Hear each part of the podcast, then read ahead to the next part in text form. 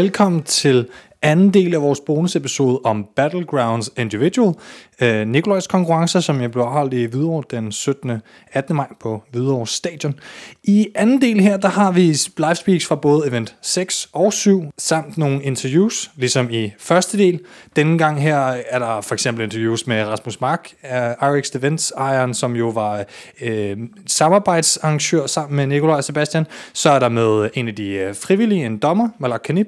Der er med øh, nogle vinder af Events Heats, og så er der også med øh, vinderen af hele konkurrence på kvindesiden, og en af podiatleterne fra herresiden. God fornøjelse med det i hvert fald. Her først kvindernes event 6, altså det sidste event før finalen, og derefter interview med vinderen af både sit heat og eventet. Vi går i gang med øh, kvindernes øh, heat her, og øh, det I kan se på IG Live, det er øh, dem, der fører. Det er Sabrina Råhauke, der lige vinkede der.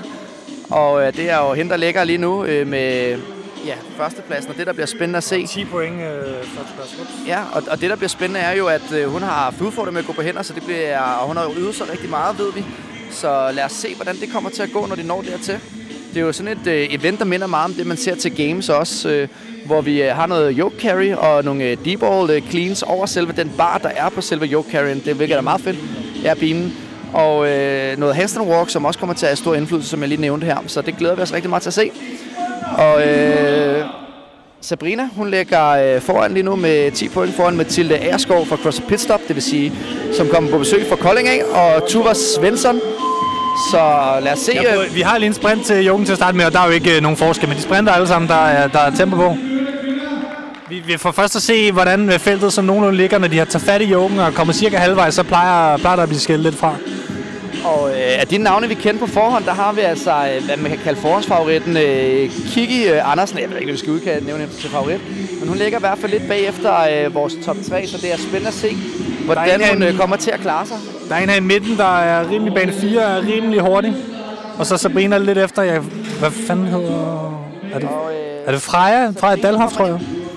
Men det er lidt farligt at, at kalde dem, fordi at de, jo, de er jo placeret efter, hvordan de lå tidligere på dagen. Så øh, vi ved jo ikke helt præcis om de navne, vi ser nu i forhold til den øh, placering, der er her.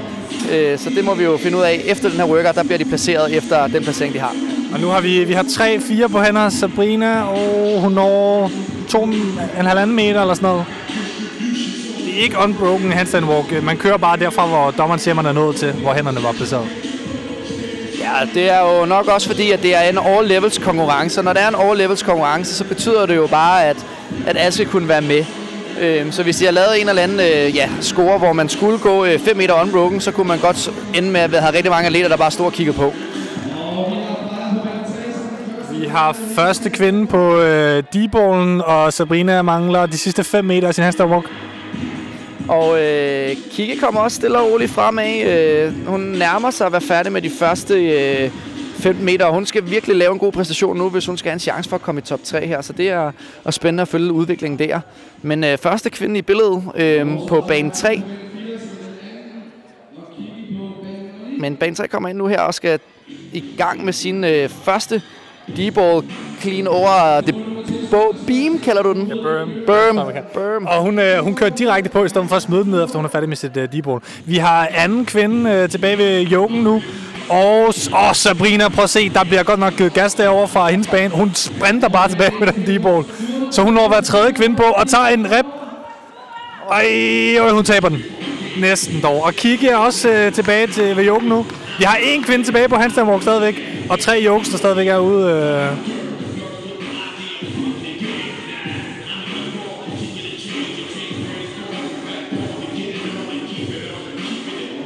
Sabrina har været to reps bagud i forhold til altså, nu. lidt sjovt at se her, for de er jo blevet oh, justeret. Ja. Alle de her øh, højden på de her yokes er blevet justeret inden workouten i forhold til, hvor høj de selv er. Men det ligner faktisk, at Sabrinas er øh, lidt, lidt højere end de andres, fordi at den er næsten op på ansigtshøjde, så jeg ved ja, ikke lige, hvordan... Hun laver sådan en kast med skulderen for at få ja. den over. Hun skal faktisk have den op og ligge på skulderen for at kunne få den over næsten. Men Thomas, jeg tror også, vi skal lægge mærke til, at der er forskel på størrelsen på D-boardsene. Hende, der lå i front til at starte med, har en væsentlig mindre. Den er næsten halv størrelse af, Ja, sådan, øh, ikke for at kritisere arrangørerne, men øh, rent sportsligt, så er det jo ikke helt fair, at øh, der er nogen, der har en øh, mindre bold i diameteren end andre. De vejer det samme, men det gør altså en lille forskel i forhold til, hvordan du får holdt rundt om selve bolden. Ja, og alle kvinder, som vi kan se, er på D-balls, men der er stor forskel på, hvor mange reps de har nået. Jeg mener, det er 15 reps, de ja. skulle nå dem her. Og, og derfor kan vi ikke rigtig se, hvor langt det er. Åh, hånden er kommet op hernede på hende, der førte tidligere, som vi altså ikke ved, hvad hedder, men er i den øh, røde, hvide top på bane 3. Der er fire reps tilbage for hende. Der er ikke nogen andre hænder op endnu. Det er det, vi skal holde øje med, ligesom til, til games, kan man sige. Ja, det mangler vi lidt i den her konkurrence. Sådan et skilt, der står foran med alle navnene på. Men det kan jo være, det bliver opgraderet til næste år, jo. Tre reps har vi tilbage i fronten, og ikke nogen andre hænder op. Vi, vil glæder os lidt til at se, hvor Kiki og Sabrina hen, ligger hen lidt. Og, og næste hånd er kommet op her på øh, bane 4 med den sorte øh, trøje. Intosym. Øh, 4 reps for hende. En rep tilbage for bane 3. Det ligner en vinder, øh, eventvinder. Og der er den over. Så er hun øh, på yoga om et øjeblik. To reps på bane 4. Sabrina har også hånden op der. Der er tre reps tilbage, tror jeg. Kiki har hånden op. Eller Malak Kanip kan se, som sidder og dommer, har hånden op for Kiki. Og så er der to jokes i bevægelse. Og der kommer de afsted her. Det er spændende her. Hun bliver faktisk indhentet lidt på yoken, gør hun Ja, ikke? det gør hun. Ja. Men nu er der altså også noget træthed i selve kroppen. Ja, det kan man altså se, hendes ben går helt ud. Man kan se uh, måden, de går med benene på. Den ene går ligesom og staver derude ja. På bane 3, og den anden går bare direkte frem. Det er, det er jellyben, tror jeg. Sabrina har to reps tilbage stadigvæk, og Kiki er på joken, så Kiki kommer til at overhale Sabrina her. Det er altså spændende nok, fordi at dem, der startede dagen på en første og en anden plads, er altså i gang med at blive overhalet af vores øh, tredje og fjerde plads øh, fra starten af dagen. Så øh, Og hvornår har vi Sabrina på joken? Den... Åh, åh, åh, ja, hun får den over. Og hun, ser, hun står lige og læner sig op af et øjeblik, faktisk. Og først her, der har vi øh, Kike, der kommer i gang med sin øh, yoke carry. Og det, øh, det bliver spændende at se om... Halvvejs. Ja, hun er halvvejs der, så der er altså noget indhent igen. Og hun tager en pause, kan jeg se. Og vi har altså et flot handstand walk her midten af billedet her. Yes. Det er virkelig nydeligt, men de er begge to rigtig dygtige til handstand walking her. Og det bliver altså bliver en afgjort, det bliver altså afgjort på handstand walken, ser det ud til det her heat her. Ja. Og hvis hun går hele vejen, ja, og det er altså handstand walken, som simpelthen er den definerende øh, moment. Så nu skal hun ned i den anden ende med selve d her, og så løbe ind, og så har hun altså et øh, heat sejr her, og måske også event win. Ja, det må man næsten sige. Det er det bedste heat her. øh. Kiki er færdig med sin joke, så hun skal til handstand walk nu. Og hun ligger altså træer. Sabrina er i virkeligheden femmer, ser det ud som om lige nu. Og så skal hun altså bare sprinte ind her. Ja. Sådan. Altså stærkt kørt her, vores atlet. Og jeg går ned og finder ud af, hvad hun hedder, og får et ja, Ja, event være rigtig formentlig fint, 20 så vi øh, kan finde ud af, hvordan også hun ligger i den samlede placering. Ja. Og Vi, vi venter lige til Kiki er kommet i mål, tænker jeg her. Kiki er på vej handstand 5 meter ind i sin handstand walk. Og andenpladsen Ja. ligger også til at komme ind lige om lidt. Skal lige ned med sin D-ball cleans. Eller undskyld, sin D-ball. Så har hun bare ind. tilbage. Ja. Og Kiki overhaler hende, der lå nummer 3 nu, kan jeg se på handstand. Men nej. Kiki er nede. De er begge to nede på 5 meter tilbage. Kiki starter først her. Lad os se, om hun kan holde den. Jo, ja. Og det er tredjepladsen i den, det her den falder ned. Ja. Ja, ja, kom så Kiki. Ja, og Kiki er inde. Godt, så har vi tredjepladsen derovre, men den grå... Åh, hun falder igen. Hun har failet tre gange nu på 5 meter herovre.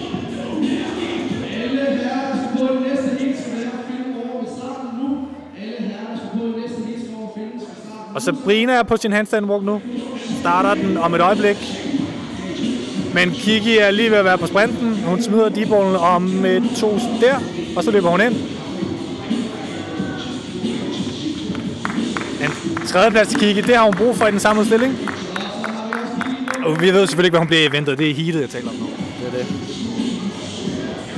Og vi har Sabrina, der er med. Handstand walk kan hoppe sig op på en... Ja, kan hun nå en... Hun kan ikke nå en fjerdeplads. Hun kan måske nå en femteplads her, hvis hun øh, er god. Vi har bane 6, der tror hende. Hun har kun 5 meter tilbage. Sabrina har 10. Sabrina er nede igen. Den bliver svær at nå, tror jeg. Ja, han er lidt mere inde. Det er Tuva, det der. Kan vi lige... Øh...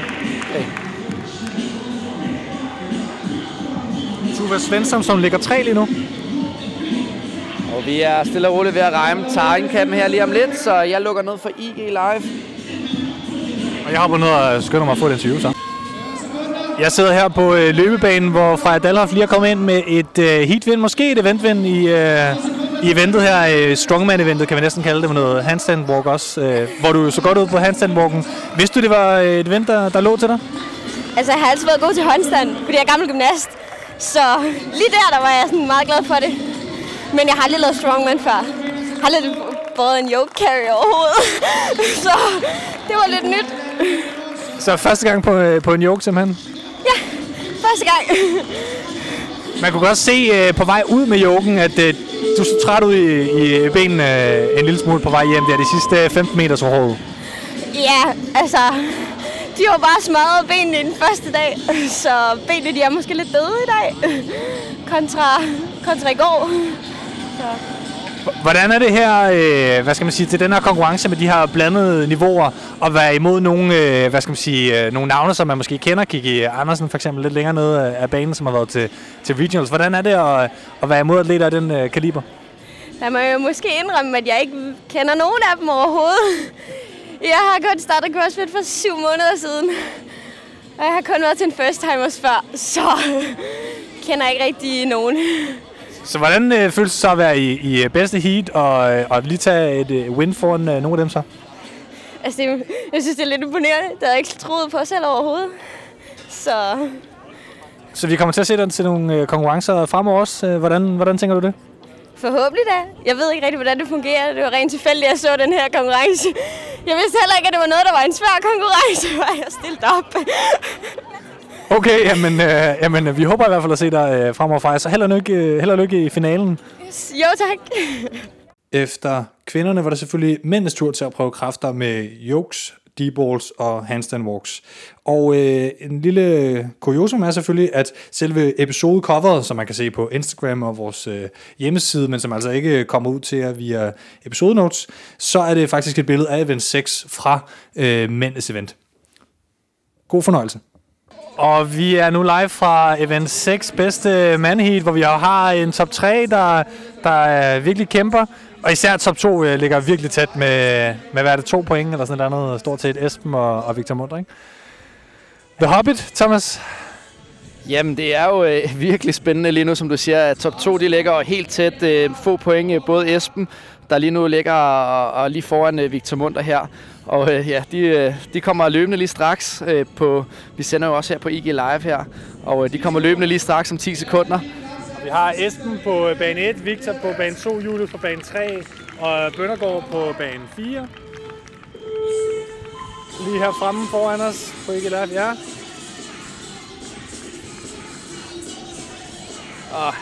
Her kommer de første herrer til vores yoke carry. Og det er altså på ingen måde her, det bliver det går afgjort. det der. Spørgsmålet er bare, hvem der først kommer også i gang med handstand walken. Når vi ser, hvem der kommer igennem handstandwalken først, så begynder man at have den første indikation på, hvem der ligger Ja, hvor. men vi så også i tidligere hit, at der er faktisk nogen, der går kolde stille og roligt i skuldrene også, fordi at øh, man får altså brugt grebet en hel del også, når de skal lave de her øh, deball over den her boom her, så Det er værd at lægge mærke til, at øh, i det her heat, der går mændene altså direkte på handstandwalk, når de er færdige med at stille joken og løber hen og laver handstandwalk. Hvor de andre, der tog de lige en pause øh, endda næsten. lige præcis. Men her har vi altså Esben, der kører unbroken, og det gør Victor Munter altså også, og der er altså fart på Esben her. Og øh, Han skal også øh, deal med en lidt større bold. Ja, men øh, spørgsmålet det kommer til at gøre det store problem. Man kan jo sige, heldigvis er det kun øh, fem rest, men jeg synes altså, det gør et problem, han når det skal løbe. Og han taber og glider. Det fik vi på film her, og det gør jo faktisk, at Victor kommer og indhenter ham. Øhm, og det er jo altså lidt unfair, kan man sige, og det er jo sådan, det desværre er. Det kan vi jo se, at bolden er altså bare større for Esben. At det bliver et problem, det finder vi ud af, men han får i hvert fald en flot over, så han er altså den første tilbage og, Og har en øh, enkelt rep foran. Og Dennis kommer her på tredjepladsen, og han vil jo gerne rigtig gerne overhælde øh, Julius Klitgaard og øh, Thomas Sørensen, som øh, lavede en flot præstation her, øh, som går rundt med en coach-trøje på her fra CrossFit North. Og så har vi Julius inde ved sin øh, yoke nu og skal til at lave de her øh, D-ball over, øh, hvad hedder det, beam. Ja, så- Og hvor mange reps er han bagud nu? Han er alligevel... femte plads og lidt bagud nu. Ja, men altså Julius ligger på en tredjeplads lige nu, øh, og har ikke mange point ned til, øh, hvad hedder det, Thomas Sørensen, og de ligger helt ens nu. Altså, Julius han taber bolden her, og her overhælder Thomas Sørensen ham rent faktisk. Og så har vi øh, Dennis Kur, der ligger lige efter på en øh, femteplads. Så det er en spændende kamp lige nu. Nu talte du om det her med at forsere repsene og øh, cykelhastigheden på de her, øh, hvad hedder det, deboard cleans. Vil du lige sige lidt mere om det? Jamen altså, øh, forskel nok mellem øh, de dygtigste herrer og, og, og dem, der ligger i de andre heats, er jo, at øh, man bruger, altså forsøger at skynde sig øh, under øh, altså, den her bar. Jeg, kan, jeg ved sgu ikke, havde det beam, det er mærkeligt ord. kan, ja, der blev sagt berm tidligere. Jeg vil også kalde Berm, det beam. Altså, det beam, altså. Ja. Men altså den her, den her øh, Tværbjælke, tværbjælke, hvor man kaster den henover, som er sat jævnfør deres Ja, lige præcis. Og der skal man jo selvfølgelig, og der, og der kan man faktisk, så tager det sig deres tid om at lave de her øh, reps her. Det er ikke fordi, de, de skynder sig og forser repsene så meget igen. Nej, men der er ikke nogen, der er ved at fæle på dem, og der bliver holdt en konstant hastighed. De begynder ikke at blive langsommere. Præcis, men altså det, der er forskel indtil videre i forhold til de andre his, det er, langsommere. Og der altså, er en hånd op både hos Victor og Esben. det der er forskellen er jo, at, at de har været hurtigere til at gå på hænder og hurtigere til at gå med yoken. Altså det er simpelthen det, der er forskellen. Og ikke øh, lavet øh, gå pause. Ja, det er der forskellen har været, ikke så meget på de her øh, D-ball cleans lige nu. forsvinder solen desværre lidt, men vi har tre hen oppe. Og ja, Esben er først færdig. Julius har også hånden oppe. Ja, og han er altså Esmer først færdig øh, med en, øh, en enkelt rep her. Og det har stor betydning. Der er lidt meget sving i hans joke til starten, men han får den op igen og kommer videre. Og, hvem er, og Victor er på jokewalk. Og Esben sætter den ned igen. Der er et eller andet. Og Victor lige nu virker til at være bedre kørende på sin yoke. Han har en øh, stærkere eller en bedre balance, men lige nu går de her hurtige gode skridt, mens at Esben har lidt længere øh, skridtlængde mellem Vi ja, har, skridt. vi har også Dennis på jokewalk. Og den er helt lige. Og nu begynder de at gå lidt, men Victor bliver ved med at løbe. Og i første runde, der så vi altså, at Esben var hurtigere til at gå på hænder, og det finder vi ud af nu, om han stadig er det. Svinger op halv sekund efter, Victor overtager førstepladsen lige nu. Og det er altså førstepladsen, vi kæmper om her. Og i billedet her har vi altså også Dennis, der ligger på en øh, rigtig flot tredjeplads lige nu Og i det her event. Julius er på en fjerdeplads, så han indhenter lidt øh, på rutinen måske. Ja, og det er vigtigt for ham for at beholde hans tredje, samlede tredjeplads. Og det er, bliver altså afgjort nu på D-ball carrier. Der var Victor altså bedst i sidste runde. Og øh, ja, er lidt foran. Er lidt foran. Victor overhælder ham. Victor har overhældet ham. Og der er det altså bare, der kan man altså se, det er nemmere for Victor at holde fat på den. Ja, det er en kæmpe forskel. Ja, det må man sige, at Victor kan holde rundt om med armene. Og det kan Esben altså ikke i samme grad. Og, og Victor, den har Victor top. Og den tager Victor så. Victor en halv bane med, foran, Men- at, øh, Jeg må bare erkende, hvis jeg var Esben, så havde jeg været rigtig træt af det. Altså fordi at det er tydeligt at se, at han kan ikke holde rundt om den der bold der. Det kan Victor, derfor vinder Victor. Det er forskellen i det her, og det kan, man, altså, det kan jeg forstå godt, hvorfor han er træt af det. Og vi har Dennis næsten ind til sin øh, D-ball nu. Tobias Bøndergaard kommer... Øh, Ja, det er stærkt kørt her, og ja. Dennis han er i gang med at færdiggøre sin sidste D-ball carry. Ja. Så han indhenter altså på øh, de to drenge, som ligger lige nu på øh, tredje og fjerde pladsen. men vi har Julius og Bøndergaard, der faktisk også ud af lidt af en du- duel over på bane øh, hvad det, 3-4, fordi at Julius bliver ved med Der bliver. Dennis færdig og løber ind Yes. til en tredje plads i det her event. Og Julius har været nede, og han har brugt fire forsøg nu på at gennemføre de 15 meter. Der kommer Dennis ind. Det, må nok, det er nok også øh, heat-placeringer og event-placeringer samtidig, det her, fordi de er så hurtige. Så er Julius færdig og skal på D-ballen. Bøndergaard er til gengæld ikke færdig med de sidste 10 meter endnu. Og han bliver overhældet af Thomas Sørensen måske. Det ser næsten sådan ud. Og, og Bøndergaard og Thomas Sørensen er næsten lige, men Julius... Han, Og her den kommer der. Julius her resten af vejen. Han tager den fjerde plads. Og det ser også hårdt ud nu. Ja, det er godt kæmpet. Kom så, Julius! Så bare hjem. Og Thomas Hansen og Bøndergaard breaker igen samtidig. Og der ser vi bare her, at trætten er sat ind i skuldrene her, og det kan man jo godt forstå. Og der... Nej, han har mere tilbage. Sådan. Så er det D-ballen. Nu skal have det sidste her ind her fra deres D-ball walk.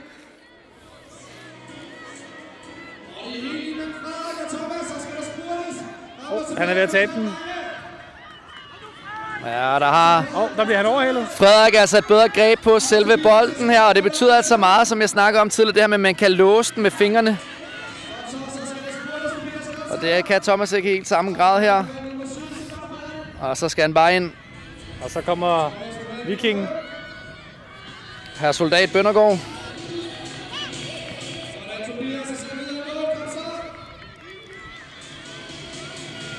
Vi har øh, to atleter tilbage på, øh, på banen nu dernede. Det er Joachim Rydding, og hvem er den sidste? Ah, tre, undskyld. Vi har tre tilbage. Simon Bus er selvfølgelig også over til, helt til højre på, øh, på banen 10. Der kommer Joachim Rydding ind. Ja. Og det er altså et relativt hurtigt heat, det her, fordi der var ikke mange, der var nået ind på det her tidspunkt i sidste heat her, så det er stærkt kørt. Ja, det skal man huske. De skal jo samle instruktører til fem heat, de her mænd, så det er ikke kun øh, en faret heat, man konkurrerer. Så de kæmper, de sidste her kæmper om at bevare retten til finalen og ligge i øh, bedste heat i virkeligheden.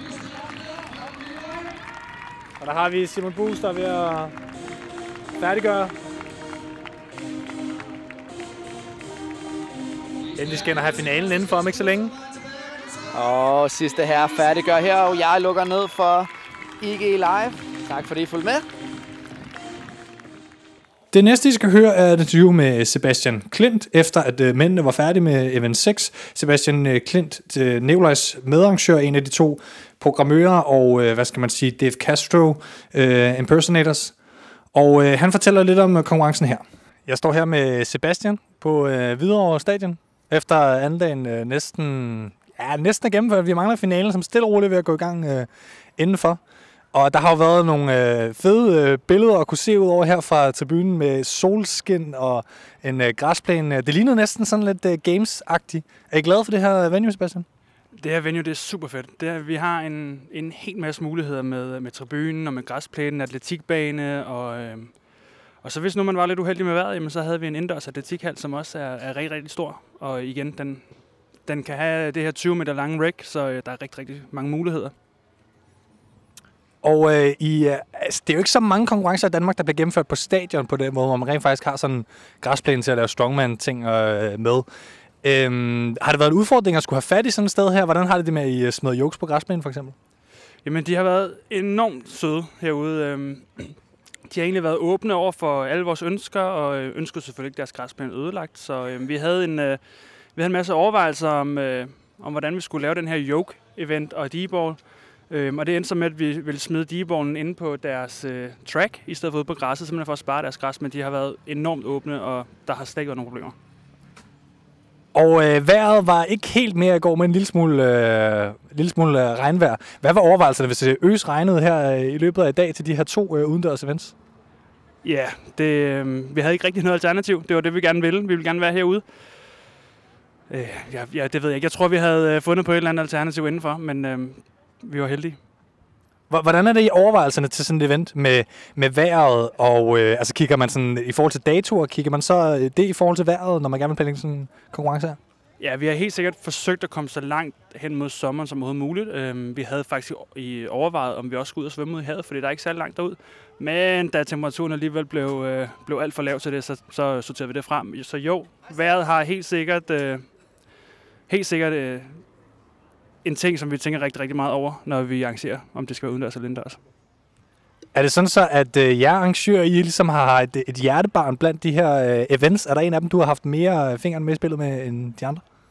Hmm, nej, vi har egentlig snakket, øh, det er mig og jeg, der programmerer, vi har egentlig snakket sammen om, om hver enkelt workout, og hvad vi ønskede at teste i workoutsene, og hvordan de skulle bygges op, og niveauet i dem, og vi har egentlig været fælles om det hele. Så har vi testet dem, og så har vi justeret på tiderne og timecaps, og pause og antal reps, og vi har, øh, vi har samarbejdet rigtig, rigtig meget om alle workouts. Har I også øh, talt med Castro om øh, jeres øh, workouts? Det gad vi godt, men nej, det har vi ikke. Hvad, hvad nu ser på konkurrencen, nu er den ved at være slut, ved jeg, nu tager jeg det sådan lidt, øh, lidt på seng, men, men hvad er overvejelserne frem mod øh, næste år, kan man næsten allerede øh, begynde at, at spørge jer? Jamen, øh, helt sikkert, vi kunne godt tænke os at hæve niveauet for workoutsene. Øh, jeg synes egentlig, det er rigtig, rigtig, rigtig fedt, at vi har kunne få min, mit syn på det er, at vi har kunne få alle sammen med. Øh, men vi kan godt tænke os at, at hæve det en lille smule. Øh, lidt flere gentagelser på det gymnastiske, for eksempel. Øh, og måske lidt... Nej, løft kilomæssigt har egentlig været okay, synes jeg. Men øh, prøv at hæve niveauet en lille smule. Hvordan har det været med, øh, med standarderne? Det er det sidste spørgsmål, jeg lige har, fordi standarder har, er jo noget, der bliver diskuteret en gang imellem, og man, man ændrer jo standarderne nogle gange. Danske konkurrencer er ikke altid de samme som de officielle CrossFit-standarder, og det er ikke altid de officielle CrossFit-standarder for forskellige øh, workouts. For eksempel her med handstand walk, der endte de jo med at have, at det var, hvad skal man sige, på bedste mulige måde, øh, ikke unbroken, men så starter man derfra igen, hvor man var nået til. Hvor meget har I skædet til ligesom at holde de officielle standarder og finde, hvad der virkede bedst for jer selv? Jamen, vi havde faktisk startet det hele med, at det skulle være de officielle standarder. Men øh, da vi så på det niveau, der nu er tilmeldt, jamen, så bliver vi også nødt til at tilpasse det dem, øh, så, de, så alle får en rigtig, rigtig fed dag. Øh, og det var så en af de ting, vi blev nødt til at justere, det var, at man ikke skulle gå 15 eller 5 meter unbroken Hansen walk, men vi justerede det ned til, at man egentlig bare kunne gå, til man faldt. Og så øh, tradition 2, så stiller jeg selvfølgelig et spørgsmål, efter jeg har, øh, efter jeg har sagt, det var det sidste. Øh, hvad, hvad, hvad manglede der? Hvad skulle der have været med? Du siger, øh, var det svømningen, du gerne ville have haft med, og måske så kunne man så se frem mod det næste år, for eksempel? Jamen, vi havde overvejet svømning, og det kunne da selvfølgelig være sjovt at have med, men altså, man skal jo også øh, prøve at lave lidt anderledes ting, og rigtig, rigtig mange danske, danske konkurrencer har efterhånden svømning med. Så det gør egentlig heller ikke noget, der ikke er med, men øh, det kunne være super fedt at have et, øh, et løbeevent, der rent faktisk fungerede. og så siger vi ikke mere om det. tak, øh, tak for øh, snakken, Sebastian. Selv tak. Efter vi havde nyt ventetiden inden øh, finalen, der var øh, noget kort tid, hvor jeg blandt andet brugte tiden på at tale med Julius Klitgaards stefar, der faktisk er lynekspert, fandt jeg ud af. Så var det tid til finalen. Først gik heatsene på, som ikke var det top heat, kan man sige, præcis ligesom vi har set til regionals eller games øh, fordi konkurrencen generelt har fulgt, hvad skal man sige, den struktur og den logik, som, øh, som Castro altid har brugt til sine konkurrencer. Derefter var det tid til først kvindernes finalheat, og så mændenes finalheat. Det første, I skal høre, er først lidt optakten til, og derefter selve øh, kvindernes finaleheat, og bagefter det så et interview med vinderen af Battlegrounds Individual 2019 på kvindesiden. Nu står vi her til finalehittet for, øh, for kvinderne. Ja, vi er på, Thomas.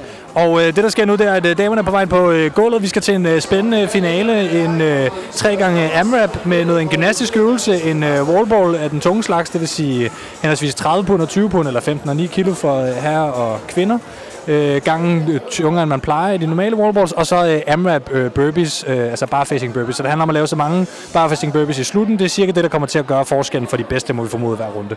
Og Thomas, du kigger lidt øh, på øh, pointene. Hvem er, hvem er vi i top 3 lige nu? Jamen, øh, vi skal jo egentlig ikke kun snakke om top 3. Vi skal måske lidt mere se det som en øh, top 4, der leger om de sjove pladser her.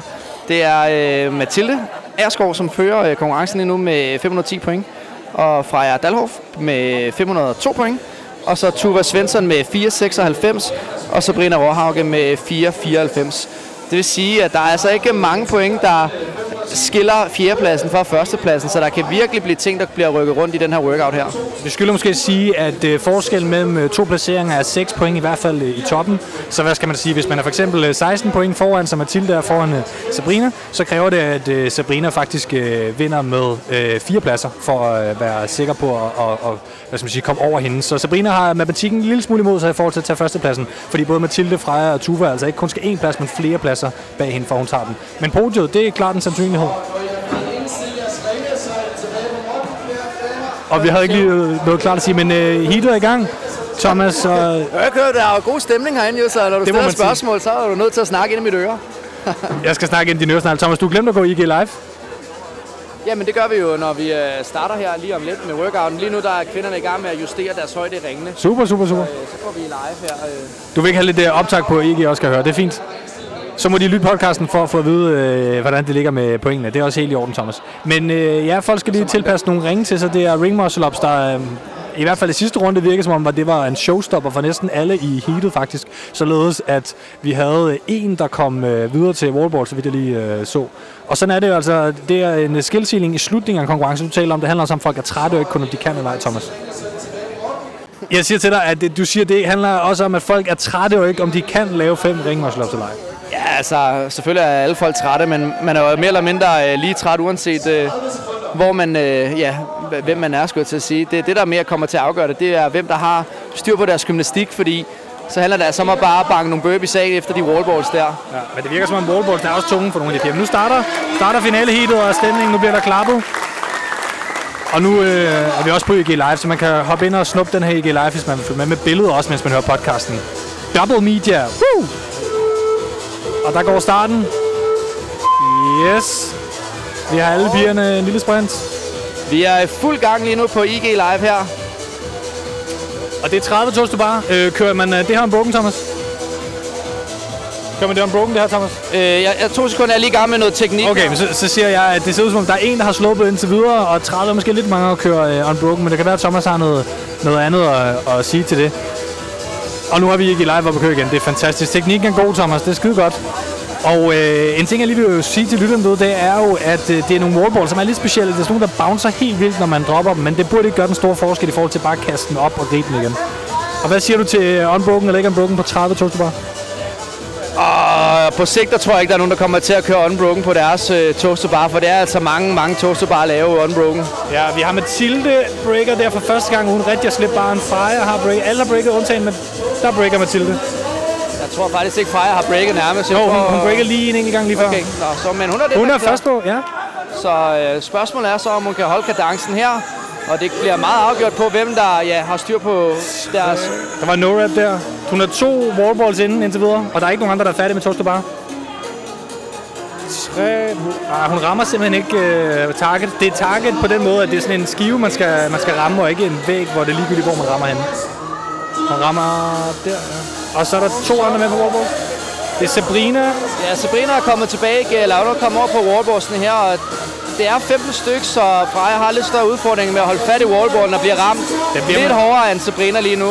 Og jeg tror altså, Sabrina har lidt bedre skulder i forhold til at tons på de wallballs her. Jamen, jeg tror faktisk også, det handlede lidt om benene. Jeg talte en lille smule med Freja, da jeg interviewede hende, da hun vandt øh, sidste event. Og hun snakkede om, at hendes ben var altså rimelig grillet efter i går allerede. Så jeg tror, at den yoke der og løbet og, øh, og så videre, det har og førstersne, der har grillet dem. Og nu har vi næsten alle på wallballs done. Ja, og fået en del no-reps her, men der kommer hun tilbage igen her, og Sabrina overhælder altså, fordi hun har færre no-reps. Men når det er sagt, så er det ikke så vigtigt for Freja, at Sabrina overhælder hende. Det vigtigste er sådan set, at øh, Freja sørger for at være langt foran øh, vores øh, fører af selve konkurrencen lige nu, Mathilde. Og der er god stemning herinde, skal jeg helt at sige. Der bliver hæppet, og det er, øh, vi har tre piger på fire piger på burpees nu. Fem. Og Mathilde er altså stadigvæk på wallballs nu. Det er jo det, Sabrina gerne skal have det her, hvis hun skal have en chance. Nå, men altså, det Sabrina gør lige nu, det er jo, at hun sørger for, at hun kommer på podiet. Og øh, det er ligesom det, der er det væsentlige for hende her. Ja. Men, men det, At men, hun så øh, ikke nødvendigvis kan øh, overhale dem, der ligger aller forrest indenom lige nu.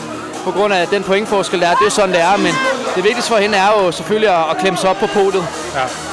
Men man kan sige, at Freja holder i hvert fald så op indtil videre, men det er også tre M-raps, det skal man huske. Men prøv at høre, altså Freja ligger altså godt til. Øh, Ja, det må man sige. lige nu er øh, føreren af konkurrencen øh, den store taber efter den første workout her.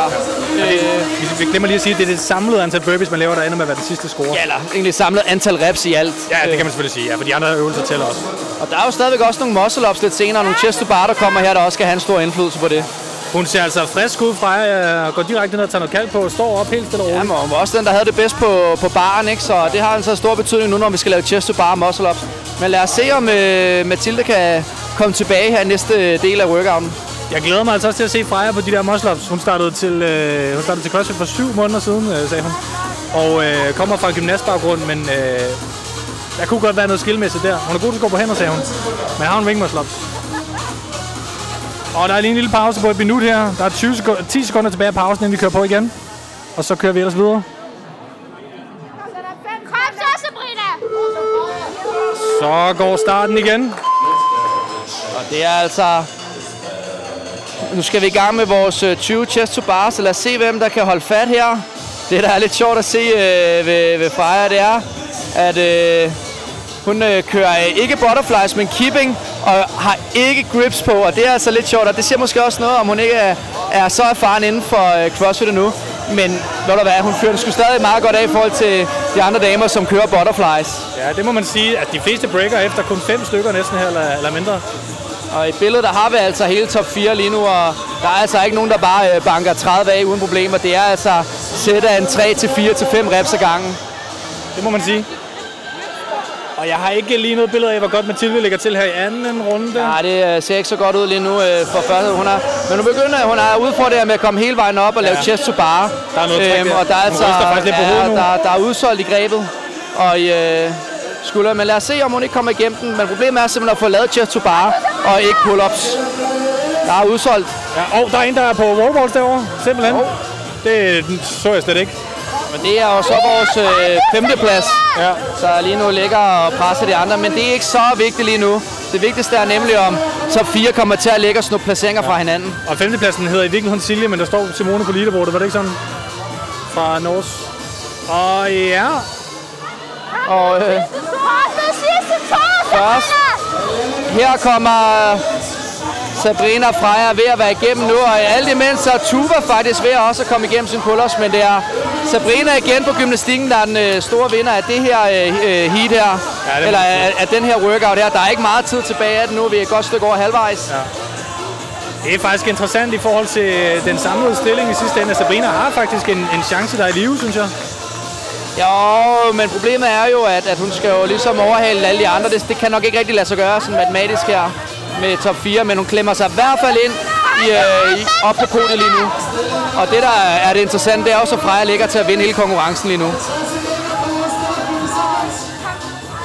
Men man kan sige, nu må vi se, hvordan det går i sidste runde, for jeg tror, det er virkelig, det også skal ske noget. Og, øh, og det er kun øh, tre pladser, øh, Sabrina skal tage på, på Freja. Fordi Mathilde virker som om, det så altså... Øh, det skulle slutte ser det ud som om. Der er udsolgt. Hun har også kæmpet hårdt. Så er Sabrina på burpees, som... Og vi har altså øh, tre damer på burpees her. Men Sabrina er Fire altså damer på burpees her. Sabrina er altså foran Freja og Mathilde. Ja, og det er interessant nu. Nu begynder der måske at ske nogle ting, som kan have en betydning for selve scoren her. Ja. Fordi nu er både øh, Mathilde og Freja gået kold, mens der er en masse, der ligger og laver burpees. Så det er Matematisk utroligt begynder interessant. Ja. Og det er jo sådan noget her, der sker i en konkurrence, som stadigvæk er så tæt, som den faktisk er i toppen med, med 16 point fra Så, øh. Efter workout nummer to, så er Sabrina altså indhentet en hel masse, og Tuva også, og det er jo det, der er interessant. Så lige nu, øh, efter to øh, scorede events, der kan vi ikke sige så meget andet, at de i hvert fald har indhentet en hel masse point på top 2. Nej, og- man må nok, øh, man må nok sige her, at, at Mathilde kunne godt faktisk ryge, ud af top 3, som det sidder lige nu. Nu må vi se, hvad der sker med Sabrina og Mathilde i næste runde. Og jeg tror, at de ring muscle ups kommer virkelig til at afgøre meget nu, fordi at gymnastikken har fyldt. Nå, men det er jo det samme antal reps, så hvis det alle sammen kommer til at struggle med, med muscle-ups og ikke kommer videre, så har det ikke en stor betydning. Men hvis man kan have nogen, der kommer igennem det syv, eller undskyld, fem muscle-ups for damerne, så kommer det til at have en stor afgørende for betydning. Fordi så kan man virkelig banke nogle reps af på wallballs og på burpees. Og som vi så gymnastikken øh, ude på bane 5 øh, hende øh, Silvia der, hun kommer altså hurtigt igennem gymnastikken sidst med chest bar. Så der er god til chest bar, så er der også en sandsynlighed for, at muscle up sidder der. Jeg vil godt våge et bud på, at øh, der er nogen, der ryger igennem de fem ret hurtigt. En 3 og en 2 måske. Nu, så er det den sidste AMRAP. Der er stadigvæk sprint i folk til at komme ind til baren. Ja, men Sabrina slapper lige lidt af. Der bliver rykket lidt på nogle kasser, der står Ja, forkert. men jeg, jeg tror altså, vi kommer til at se en hel del etter i øh, det her felt her. Ja, altså sidst, altså anden sidste heat, der var det jo simpelthen, øh, hvad det, ener, og så en no-rep, og så en ener, og så to Jamen, no-reps. det er, Og det er lige- det er det. Det Det er, er det også. overbevist om, at det også bliver det her. Ja. Jeg tror, det der med, at du siger, der er tre og toer, det er, Jonas, det tror jeg ikke Nej, er tror jeg- niveauet øh, i dag. det kan jeg så se. Der er, Sabrina står, og Mathilde, de står simpelthen og venter på øh, og rester, inden de tager den første forsøg. Og vi har Sabrina, der fejler på den Det er første. også det, vi kan se. Vi har lært Og- en, øh, en masse nye navne Der er en, der i lige tager to derude på kanten. Jeg tror, at føringen ligger over på bane 5 lige nu, eller bane 6. Det er den sorte, jeg ved lige. Og det ser altså ud til generelt hele top 4 har udfordringer med at lave muscle-ups. Ja. Vi ser her, hvordan se... Sabrina kommer simpelthen ikke engang op og, øh, og catcher. Åh, oh, Freja. Øj! Øj. Der bliver kæmpet. Men det der, det koster altså i forhold til at tage den næste. Det koster altså i bundposition at kæmpe så meget. Og ved du hvad? Der er udsolgt. Jeg tror ikke, at det, kommer har en ikke stor betydning for nogen som helst. Her er det et spørgsmål om, øh, altså en rep eller to rep, så kan man faktisk... Øh, Nå, men det kommer en til to reps, har ikke det store. Tror jeg umiddelbart ikke, så det- det kommer jo an på, hvor tæt de ligger, men hvis der var nogen, der virkelig skulle rykke fra øh, hinanden, så er man jo nødt til at, at komme igennem de muscle-ups, og så banke en masse wallballs og burpees af. Og det man kunne se ud af billedet her, hvis Thomas lige filmer lidt, lidt, lidt ned, og så over til Sabrina. Sabrina øh, ryster på hovedet til sin tilskuer og øh, tog hånden op til halsen og vinkede, nej det er slut. Men vi har endda kommet igennem de fem øh, Og, muscle-ups. og det var, den, det var øh, det er Silja igen, som også klarer Ja. sig igennem Chesto Bars først, og det er det. Det var hende, jeg troede, vi lavede en 3 og en 2. Det var overbudt. Og, Og er der kommer Sabrina op med en enkelt muscle-up. Ja. Eller hvad? Og vi har også øh, bane 6 klar med... Hun har også gået på wallballs nu, kan jeg se. Så der er to, der kommer over på wallballs. Men de er nok for langt væk fra top 4 alle sammen til, det gør en forskel. Men altså, igen, vi har lært en masse nye ansigter at kende, og det har bare været fedt at se, hvordan øh, ja, de her workouts har udfordret mig. Vi har faktisk en enkelt kvinde også i billedet, der er kommet igennem sin muscle ups. Det er altså stærkt. Der bliver strugglet med ups. Sabrina bliver ved med at kæmpe. Jeg tror simpelthen, Mathilde har givet op, og hun, hun underskriver sin score i stedet for, kan jeg se her. Det er nok også meget godt, i stedet for at komme til skade. Ja, Altså. man, man kan jo godt få en albu eller en skulder, der siger noget dårligt i sådan en... Øh... Men altså, alt andet lige, så glæder vi os til at se, hvordan uh, scorene bliver. For uh, det var uh, godt at se de første to workouts. Der var altså knald på. Og der er to, der er i gang med burpees her. Det er Silje, og så... Ja, vi beklager, at vi ikke lige kender navnet. Det må vi lige sige bagefter. Og til gengæld, så er det, der er det interessant, det er jo, at de virkelig kan komme ind og overhale nogen her. Ja. Fordi de har bare fået lov til at banke burpees af i den her work- workout her. Så det bliver spændende at se, at jeg tror, de kommer til at kravle et stykke op på leaderboardet, de kvinder, der kommer igennem muscle ups. Lige om lidt, Thomas, så skal vi se øh, herrefinalen. Yes, vi vender tilbage med herrefinalen ja, om men, lidt. men inden du lige øh, siger farvel til podcasten her, så vil jeg lige spørge dig. Tror du, at, øh, at det er en, øh, et enkelt sæt eller to sæt for, for mændene i det bedste heat? De I muscle up, det kommer til at være unbrungen de bedste. Der er ikke nogen tvivl. Det er syv reps, det, er, det kan de alle sammen for frisk. Det er der ingen tvivl om. Er det en øh, niveauforskel mellem herre- og kvindefeltet, eller er det bare forskellen på herre og kvinder? Ej, Jeg vil sige det sådan, at, øh, at, at herrefeltet, der har vi nogle flere erfarne atleter, der har været til ja, flere sanctional events efterhånden, og det er der altså ikke på, på kvindesiden. Så hvis man tager det perspektiv med, øh, hvem der har været til sanctional events efterhånden, så, så er der altså noget niveauforskel øh, med, med det i tankerne her. Så Super. Jamen øh, lige om lidt, så vender vi tilbage med, med herreheatet.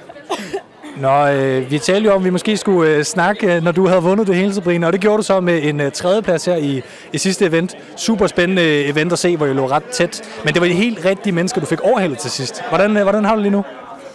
Jamen, øh, som du siger, det var de helt rigtige mennesker, jeg fik overhældet, så det var jo helt perfekt. Jeg hørte faktisk på forhånd, at øh, dem, der lå over mig, havde rigtig, rigtig svært ring muscle up. Øhm, så det vidste jeg, og, og jeg vidste måske, jeg kunne få en eller to. Jeg fik så ikke nogen. Men øhm, så jeg tænkte, okay, burpees over bare, barfacing. Det er, det er noget, jeg godt kan, så der skal bare fyres reps af. Jamen det endte jo faktisk med at være første runde, som næsten afgjorde workouten, fordi at, øh, det var det, der blev lavet rigtig mange burpees, og fordi der var så få, der rent faktisk kom igennem øh, ring muscle ups. Øh, hvordan tænkte du på pacing i første og anden runde, i forhold til, at der ville komme ring muscle ups senere? Jamen, øh, som sagt, jeg skulle virkelig bare have nogle, øh, nogle burpees. Øh, jeg havde tænkt omkring de 10-15, at jeg så fik øh, ja, 22, tror jeg, i første runde. Det var jo det var bare fedt. Øh, dem kan jeg godt pace i et okay, øh, uden at dø på dem. Så ja, det var det. Og hvordan så med de her wallballs, som var lidt øh, tungere? Tænkte man på øh, benene i forhold til at skulle hoppe øh, under burpees? Nej, wallballs er heldigvis noget, jeg også er ret god til. Øh, de var lidt tunge, så det blev lidt hårdt for armene, så når man også har hængt i barn, og så skulle lave øh, barfacing burpees. Men øh, jeg tænkte det hele tiden øh, 8-7, øh, for at få en lille pause til armene, så den holdt jeg egentlig bare. Kunne du høre, øh, der stod en del, vi stod sammen med folkene fra, øh, fra Norge, så flere kunne du høre, der blev heppe hæppet på dig? Ja, det kunne jeg, og det er altid fedt at have sit eget hæppekor med, føler man lidt, når man står der. Men øh, ja, altså der, vi er mange ude fra Norge, der, der hæpper på hinanden og støtter op om hinanden, så det er fedt. Øh, og så når man tænker, at øh, livet er meget hårdt inde på banen, så kan man høre, at man lige bliver kaldt op udefra, så det er fedt. På et tidspunkt inde på banen under ring hvor at, øh, ja, alle undtagen to sådan set står og kløjs i den første næsten, der, øh, der kigger du hen på ja, dine tilskuere og, og, og Torbjørn og de andre, og lige siger sådan, øh, med, med, hvor man øh, vinker hånden til halsen, skal jeg lige sige til lytterne. Og så tænker jeg, okay, der, der ser hun, hun ved godt, der ikke er mere. Men så gik du op og prøvede videre. Hvad, hvad var det, der gjorde, at du prøvede videre, og hvorfor sendte du så det der tegn, kan man sige? Jeg kunne høre min øh, ivrige coach, øh, Torbjørn, stå og sige, kom nu, Saf. Øh, og så havde vi snakket om, hvis ikke jeg kunne med kibbel, så gå ned i, øh, have false grip, ned i øh, fuld lockout i armene, op og hæng, øh, og så lige vippe igennem med transition op og dip. Og det var egentlig den, jeg prøvede, hvor jeg så viser til ham, nej, det går overhovedet ikke med den. Så øh, jeg vil hellere holde en lille pause, ryste armene, og så prøve med fuld kip igen. Øh, så det var den, jeg prøvede at fortælle Torbjørn, at øh, nu går vi bare tilbage til kip. Og hvad tænkte du så, da du gik fra gulvet? Havde du en følelse af, hvor langt du var foran med de rigtige, som, som vi lige talte om, så vi så endte med at se på leaderboardet for, for et øjeblik siden? Jeg havde en fornemmelse af, at jeg havde fået akkumuleret rimelig mange burpees. Øhm, og da jeg ved siden af mig, øhm, lavede sin, alle sine ring muscle op, og jeg kunne høre Silja også komme igennem, der tænkte jeg, det er sgu egentlig meget godt for mig det her, for de må gerne komme imellem mig og dem der over mig. Øhm, så der tænkte jeg, at det kunne godt gå hen og blive fint, selvom jeg måske ikke får nogen ring muscle op. Vi stod og regnede lidt på matematikken inden, og det var jo sådan så, at du skulle øh, faktisk ret komplekst få fire pladser i forhold til Mathilde, som lå etter før, tre pladser i forhold til, til Freja, og på grund af, at man får seks point fra, øh, fra, hvad det, fra, fra hver plads til hver plads, så skulle du faktisk også blive tre foran øh, hende, der lå øh, nummer, hvad det, nummer tre. Og øh, hvad kan sige, har havde du lavet den matematik, havde dig og Torbjørn siddet og diskuteret det ud, at det, det er hende, der skal overhale og sådan nogle ting? Overhovedet ikke. Øh, så meget havde jeg faktisk ikke kigget på det. Jeg havde bare tænkt, jeg skal foran dem, der er over mig, og hvis ikke jeg kan det, jamen så skal der dem, der er under, komme imellem. Øhm, det var sådan det, jeg havde tænkt, og så skulle jeg bare lave fucking mange burpees. Tak for en øh, virkelig, virkelig spændende øh, hvad skal man sige, øh, konkurrence i det hele taget fra din side, hvor du har gjort det rigtig godt. Men også et, et virkelig spændende øh, sidste event, hvor det netop var, øh, at der er en, der skulle foran en anden, og du skulle foran øh, dem samtidig, som skulle gå op i en høj enhed. Det var ligesom de her games workout til finalen med, med dem, der har ligget rigtig tæt blandt. Det er altid blandt kvinderne af en eller anden grund, det næsten plejer at være sådan. Øh, men øh, hvad det, held og lykke med, med de næste konkurrencer, og tillykke med hvad det, dit win. Tusind tak for det, og tak for hæb. Mens stemningen så var helt rødglødende inde i Kenturion Gym, så var det tid til mændenes finale, og den kan I høre her. Står vi med mændenes finale helt. Vi har øh, Julius, vi har øh, Dennis Kure, vi, vi har øh, Esben øh, Brakkesson. Torbjørn her. Ja. Og vi har også Torbjørn i tilskuerrækken. Woo! Og vi har Victor Munter her, øh, som også ses i billedet på IG Live. Der er trøjen. Sådan. Ja, der kom lige 10 flere følgere. Og Thomas, øh, pointene her ligger jo primært til det 1 og 2, der skal kæmpe om øh, 1 ja. og førstepladsen, og så er det podiepladsen for, det for er, øh, altså tredjepladsen for de andre at kæmpe om. Ikke? Det er helt klart Esben og Victor, som ja. vi har i billedet på IG Live her, der, Fire point der, der kæmper om at, at tage sejren. Og den, der Men, vinder, øh, vinder. Den, der vinder, vinder den her af de to. Altså, Men på, på siderne har vi altså Thomas Sørensen og Julius og den Skur. Og der tager Julius altså en 20-start der. Jeg ved ikke, om den er helt god. det bliver ikke dømt så godt. Det, det der bip, det ser vi ikke i starten af bipet i stedet for ja. slutningen. Men ved du hvad, det er sikkert på grund af det der bip, vi snakkede om lige før, at man ved ikke, hvornår man skal løbe. Er det på første eller sidste bip? Nej, nej. Hvordan, øh, er den her unbroken for mændene, Thomas? Ikke toastet bare, det tror jeg ikke. Jeg tror, de deler den i to. Og det er simpelthen, fordi det er dumt for grebet og øh, Ja, på sigt. Det, det vil jeg tænke. Ja. Men altså, jeg skal jo ikke udelukke det, men igen, øh, vi snakker om, at man er træt efter en lang konkurrence, men ja, ja. det vil være meget normalt, at man laver øh, 20-10 eller et eller andet sådan workout her, Hvordan, selvom man er dygtig til toast to bar. Hvor stor forskel tror du? Øh, og der ser man faktisk Esben allerede dele den også her. Ja. Og det kan være en del af en træ. Tobias øh, Bøndergaard er også i gang med at og dele dem op, og så må vi se ja, Dennis. Thomas Sørensen har ikke klubbet Hopper også ned, og Thomas Sørensen kører på, Victor kører på, og Julius kører på. Men øh, Victor Julius kører til gengæld meget langsomt. Munter, ja. Altså det er meget langsomt, stille og roligt cycle rate, ikke ja. så stor... Øh, Men han er så også den første, der kommer af sammen Det var unbroken så, ikke? Unbroken, ja. ja. Så, øh, så Esben kommer nu her, og det er maven, der er ved at være træt. Ja. Han er ikke langt efter, men det er altså... Den, der tager sagerne af dem her, det er dem, der vinder sammenlagt. Men det bliver ikke afgjort i første workout, det gør det ikke. Det så vi jo også før, kan man sige. Det er... Øh, specielt for mændene, der er tredje runde jo heller ikke sådan lidt ligegyldigt for klassement. Eller Nej, slet ikke. Der kommer virkelig en helt anden... Der kommer øh, sprint på til sidst. Ja, der, der kommer ens øh, værtrækning og ens udholdenhed virkelig til at spille en anden rolle, og ikke bare, at man har skillsene. Ja, altså, sige, før var der en flaskehals med muscle Denne gang, der kommer flaskehalsen til at være, hvem kan lide mest på de burpees til sidst. Og den er helt lige mellem øh, Victor og Julius lige nu. Ja, men Julius skal også gerne have den, øh, den tredje plads, han skal kæmpe om. Og lige nu så kommer Esben altså stille og roligt øh, her, og så kommer Thomas Sørensen lidt langsommere rip kadence. Ja. Og det er altså alligevel et halvanden minut, de skal lave burpees, så det er lang tid, de skal være i gang med det. Julius og Victor, der og går Thomas er klart den, der gør det langsomt lige nu, så... Ja. Det ser godt ud med Dennis Kur også ude på siden, og Julius og Victor. Yep, det må man sige. Og så skal vi se, om, øh, om Esben kan holde tempo. Ja, hvis... Og der bliver ellers bare kørt burpees. Der skal tælles en masse burpees her, må man sige. Ja, det er vores første, anden og tredje plads, vi har et billede øh, på IG her, så, men det er ligger helt lige lige nu mellem øh, Victor, Julius og Esben. Der er lidt efter de andre med nogle burpees her. Skal Julius er på fjerde plads nu, og Thomas... Er der ikke Nej, han ligger på tredje plads. Ja, lige foran med et par enkelte point foran Thomas Sørensen. Okay. Det var efter, at leaderboardet blev opdateret fra sidste event. Yes. Sådan. Og har du et billede af, hvor meget Esben er bagud her i uh, reps? Desværre. Jeg tror ikke, det er meget med en 4-5 reps, så. Nej, jeg synes, men øh, han var mere udfordret af gymnastikken.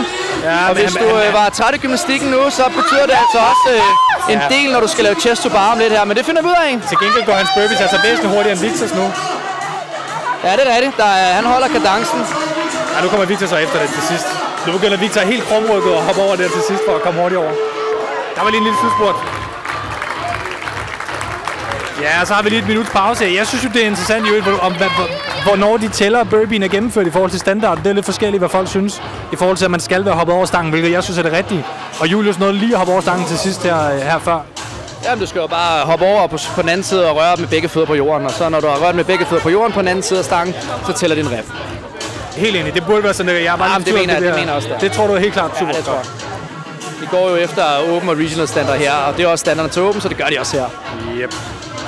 Det lyder meget selvsikkert, men det vil jeg, det vil jeg stærkt ud fra. Vi, vi kender jo Nikolaj og Sebastian, så det vil jeg også mene. Det er også det, de selv siger i forhold til standard. I går efter skal være regional games -agtige. Nå, nu har vi 15 sekunder til næste runde. Jeg tror stadigvæk, der bliver sprintet hen til stangen den her gang. Jamen, det er, der er, det er stadig en sprint workout, ikke? For nu, nu er det kun, kun og kun, men 20 chest Så to bar. trøjen også for Julius, vil jeg bare lige sige. Så der he means business. Er det ikke Ja, første gang konkurrencen, det- den er blevet smidt? Det kan godt være. Julius er i hvert fald god til chest to bar, ved vi så. Der er også noget rutine hos Julius. Øh, Jo, men ma- igen, mange af de her, der er det her heat her, de er sgu rimelig rutinerede alle sammen. Det er nogen, der er vant til at konkurrere. Det er ikke det, der kommer til at afgøre det. Det er simpelthen bare, kan du din gymnastik, altså er du udholdenhed, og kan du din gymnastik? jo, men øh, helt, helt klart, men jeg mener i forhold til, altså han har været, ligesom været nogle steder, de andre ikke har været. Det var bare det, jeg mener. Hvis du kigger på Julius og Victor her, så har de virkelig nogle gode chest to bar. Ja. Og de to tungere drenge, Dennis Kure, Thomas Sørensen og Esben, er altså mere trætte. Ja. Så lige nu ligner det altså, at Victor, var han, først. øh, ja, To Victor foran første af, der. så er der det, der er Og så har vi lige over i kanten over, der er også en, øh, der kommer hurtigt af. Det er Tønsberg, faktisk. Ej, det er Niklas, Ja, det er der lige har snedet sig op i bedste heat.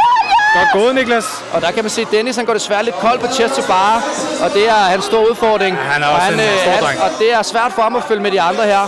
Så lige nu ligner det altså, det er Julius, øh, der, der cementerer tredjepladsen i forhold til, hvordan det går, og Victor, der trækker fra øh, Esben her, men øh, der er stadigvæk en masse burpees, der skal overstås. Jeg synes, det er værd lige at nævne, at øh, Joachim øh, Ryding, den øh, relativt nye atlet, som jo kæmper her med en masse, hvad skal man sige, vante RX-atleter, faktisk også var fire af stangen, mener jeg. Han, han er en stor dreng, men han er bare en eller anden grund god til gymnastik samtidig. Og Tønsberg er den første af. Så det er stærkt kørt, men ikke fordi, I vil følge ham. Men lige nu står altså slaget mellem Thomas Sørsten kommer og prøver at få tredjepladsen her for Julius, der er gået lidt kold. Men Julius har en masse flere burpees fra første runde. Ja. Så han skal holde sig foran Thomas Sørensen lige nu. Og så spørgsmålet om Victor gik lidt ned i fart, og jeg synes Esben kom godt igen her faktisk. Ja, han, han ser mere frisk ud på de burpees der, synes jeg. Ja, så spørgsmålet er altså, om Esben kan hive øh, motoren lidt hurtigere i gang nu. Ja. Fordi på muscle der går jeg næsten ud fra, at de alle sammen laver 7 unbroken. Det vil jeg næsten Alle tro. Ja, det tror jeg. Jeg vil gerne ved med, at der er to-tre stykker, der ikke gør. Men nu ser vi. Jeg tror, de går efter det. Det er lige Ja. præcis sådan et antal. Hvis der havde været 10, så er det nok delt ja, den op. ja, men ja. 7 er et Det antal, hvor de bedste godt kan. Og det tror jeg er helt bevidst fra eventarrangørens side, ja, det, netop har lavet det, som man kan. præcis. Fordi det, er- det belønner at kunne køre Altså, mig Thomas Sørensens burpees er altså lidt langsommere end Julius' lige nu. Ja, ikke i forhold til den tredje plads, nej. Ja, og, og Julius har en del for ham på første ved workout. Øh, Jeg tror, han har, Julius har lidt en fordel på gymnastikken i næste runde. Jeg synes altså, at Victor ser altså godt ud nu. Han bliver altså ved med at have det her lave tyngdepunkt over, øh, over stangen her. Ja. Mens Esben kæmper lidt med, han er lidt med oprejse Esben hver gang. Jeg vil sige, øh, der er også Victor, han, øh, han bøjer nakken, så han kan komme så tæt på stangen som muligt. Han har, han har ligesom overskud til at tænke sig om, hvad han laver. Og vi har alle på burpees nu også. Det tog lidt øh, tid for nogle af de sidste med wallballs. Der er jo forskel også i det her heat på niveau. Det man ser lige nu, det er, at Julius han laver step-ups, mens nogle af de andre gutter her, Victor og Esben, laver, øh, hvor man hopper ned med begge ben og frem med begge ben samtidig. Ja, og det er bare hurtigere. Koster lidt mere Ja, energi. ikke noget, det kommer jo igen an på, hvor hurtigt du kan tvinge dig selv over stangen. Ja, ja, det selvfølgelig. Jo, jo, helt klart. Men altså, det, hvis man gør det som en fast bevægelse flydende, så bliver det hurtigere. Men der skruer Victor op igen her. Ja, det kommer til at blive tæt, men jeg har på fornemmelsen, Victor er lidt foran. Men igen, vi får se. Og Julius og, Har de en sprint gemt i sig? Har de en sprint gemt i sig? Skal vi ikke sige, det har top 4 i hvert fald. Det har top 4, det tror jeg. Så er du dømme nu, øh, om det er, hvad hedder det, øh, om Victor eller Esben ser mest ret ud? Oh, det er svært altid at se, fordi folk har så forskellige måder at vise træthed på. Jeg Altså, synes, Victor er god til at øh, se ud, som om det er hårdt, selvom det ikke er. Altså, Ja, han, det er som om, han snyder lidt. Til lige at, øh, at få sine konkurrenter til at tro, at han har det hårdt. Og vi har lige den her pause igen. Der er 20, 20 sekunder, sekunder. tilbage. Og du tager lige men jeg glæder mig virkelig til at se, om det kører unbroken nu her. Det vil vi gerne se. Vi vil gerne se Unbroken. Ja, så det sidste, de sidste tre altså, minutter af den her konkurrence. Victor har altså set bedst ud i gymnastikken indtil videre. Ja. Øh, og været den, der har været første dag sammen med Julius hver gang. Så det er altså spændende. Nej, vi ser lige springt. Bare husk, øh, du filmer. Sådan der, yes. Der bliver sprintet lidt langsommere hen til, den, ja. til de ringe den her gang. Så ser os vi, se. hvem bryder. Alle kører en let første, kører videre til næste. Og Julius havde problemer med at komme op. Ja, han var lige lidt træt. Han, han keeper Men, dobbelt okay, her. det er ikke det, der er det vigtigste. Lad os se. Esben og Victor kører lige. Nu ser du her, nu begynder vi at se, om de kører unbroken. Ja. Niklas er nede, Det er... og vi har også Bøndergaard nede. Og Thomas Sørensen er nede. Ja, der kommer Victor og er færdig. Victor er færdig. Så det er altså hvem, der går i gang med de wallballs først. Julius er færdig.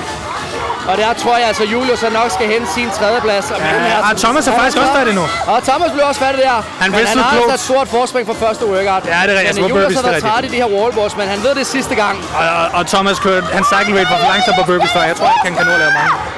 Det er fandme spændende, men Victor, han bliver ved med at køre på på wallballs, og han kan jo godt se, Og han skal bare holde øje med Esben, ja.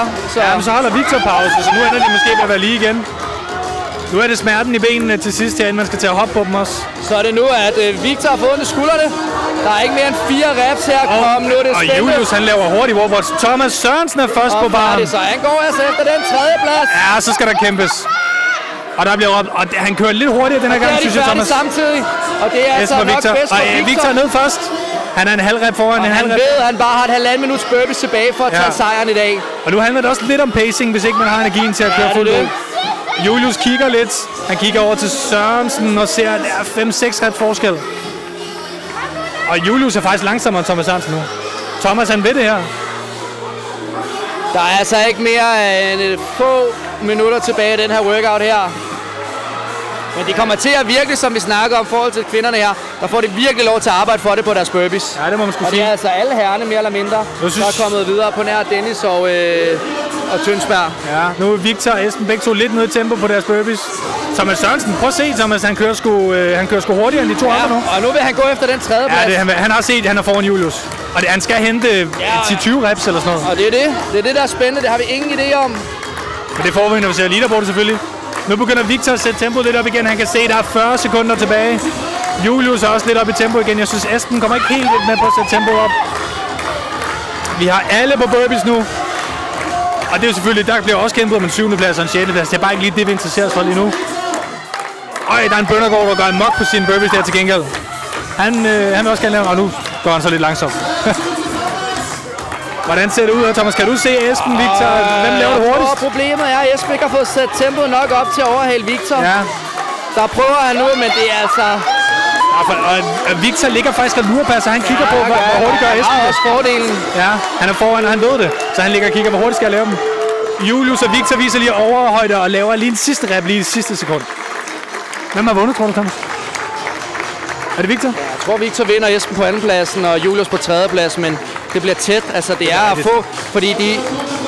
Det, altså især på tredjepladsen er jeg spændt på også, fordi uh, Thomas han gør, lavede en virkelig fin præstation i uh, sidste workout her især, hvor han uh, havde lidt mere at skyde, men Julius havde, så Thomas, jeg kunne rigtig godt tænke mig lige, du, øh, der ligger øh, tre atleter, Thomas og, øh, og Victor og Julius. de ligger jo alle sammen nede på Ja, gulvet. men de har det helt, de er helt smadret. Og det er sådan her slutningen i virkeligheden på workouten skal være, hvis man kan komme igennem flasken. Jeg tænker jo, hvorfor Victor ikke lægger ned, men øh, det kan jo være, havde så meget overskud, kunne holde øje med Esben jo. Han pacede sig selv efter Esben, så du som om. Men øh, jeg slukker ned her for live. Tak fordi I fulgte med. Og øh, vi får lige interviewet vinderne, hvis vi kan, kan finde dem. Vi skal lige vide, hvem der rent faktisk har vundet eventet først, for det ved vi jo faktisk ikke. I del 1 af den her bonusepisode fortalte jeg jo, at jeg kom til at interviewe Victor Munter, efter han ikke havde vundet et heat og øh, et event. Og bagefter konkurrencen her, så fik jeg faktisk fat i Esben, som jeg manglede, og han ud fra tidligere, som jo så endte med at stå på andenpladsen på podiet. Jeg fik en snak med ham her, hvor han udtrykker nogle af de øh, frustrationer, som man nogle gange også kan have som øh, atlet i forhold til øh, konkurrence, som sjældent er sådan 100% afviklet præcis som man ville ønske, på grund af for eksempel med, med løbetiderne her, øh, noget chip-teknologi, der faktisk øh, gik galt. Det kan I høre mere om her. Nå, jeg står her med Esben øh, Wackerson, som, øh, og nu er vi helt færdige med konkurrencen, men jeg vil oprindeligt faktisk have fundet dig efter event 5, tror jeg, der har været med, øh, med løb og hvad hedder det, øh, hvor du øh, lige sned dig til, til at vinde over Victor, som jeg, som jeg interviewede bagefter og talte om det samme. Øh, hvordan oplevede du det event? Først var det en super fed event. Der har været meget sådan ben hele weekenden, men øh, jeg vidste, han var hurtigere end mig på Frosters. Øh, og det, jeg havde egentlig en dårlig startposition, så jeg startede forrest. Det vil sige, at øh, jeg havde alle bag mig øh, og skulle egentlig pace mig selv. Men han, i takt med, at han var lidt hurtigere end mig, så kunne han komme ud og pace mig. Og jeg kunne egentlig lægge mig i læ på de første to runder og halvdelen af tredje runde. Og det gør det noget nemmere at sætte en sprint ind til sidst, at man egentlig kan lægge i læ af den anden, og han skal ligge og holde øje, indtil man egentlig gør sig klar selv. Og det er nok det, som gjorde forskellen. Og jeg ved, at jeg er en god sprinter, øh, men, og en okay til at løbe også på første event, som så blev cancelleret. Ja. Hvilket er rimelig ærgerligt, for det betød rimelig meget, når man ligger rimelig hurtigt over heller de tidligere heaps, der startede minutter før en. Det, øh, så vi, altså det, det er ret spændende, det du siger med, at du løber bag ham. Øh, jeg talte med Victor tidligere, og han øh, sagde faktisk, at han opdagede ikke, at du overhalede ham. Så du har ligesom ligget taktisk godt, før at vi råbte, da vi sad og kommenterede eventet. Så du nå lige at runde ham, men du løb fandme også hurtigt til sidst der. Øh, pacede du dig i forhold til at have den spurt til sidst? Øh, jeg vidste, at jeg ikke kan løbe særlig hurtigt i forhold altså, til, på en 400 meter, men øh, jeg er en rimelig stærk sprinter, som jeg sagde før, så det der med at lægge 200 hurtigt ud, det vil jeg gøre særlig rigtig godt. Og når du ligger i læ af den anden, som man også ser til løbekonkurrencer, så er det rigtig svært at holde øje med den bagved. Og det vil sige, at når han kigger væk fra mig, så kan jeg egentlig sætte farten op. Og det betyder, at det gør det rigtig svært for ham at accelerere endnu hurtigere, end jeg gør. Og den måde, så kan man hurtigt hive sig sejr hjem i noget, hvor man egentlig kan ligge og ligge lidt lavere tempo, end den anden gør. Så jeg tror helt sikkert, at jeg er noget mere presset, den hvor jeg har været hvor jeg har kørt den rimelig taktisk. Til med kan man sige, at mange af de her konkurrencer, eller events, der har været den her weekend, øh, har ikke været særlig taktisk præget. For det har været sådan nogle mose-events, der har været forholdsvis korte workouts, så vi kan alle sammen køre den næsten unbroken, hvad der har været. Hvilket er rimelig ærgerligt for i hvert fald også højere atleter, men har selvfølgelig også gjort, at de intermediate atleter kunne komme med.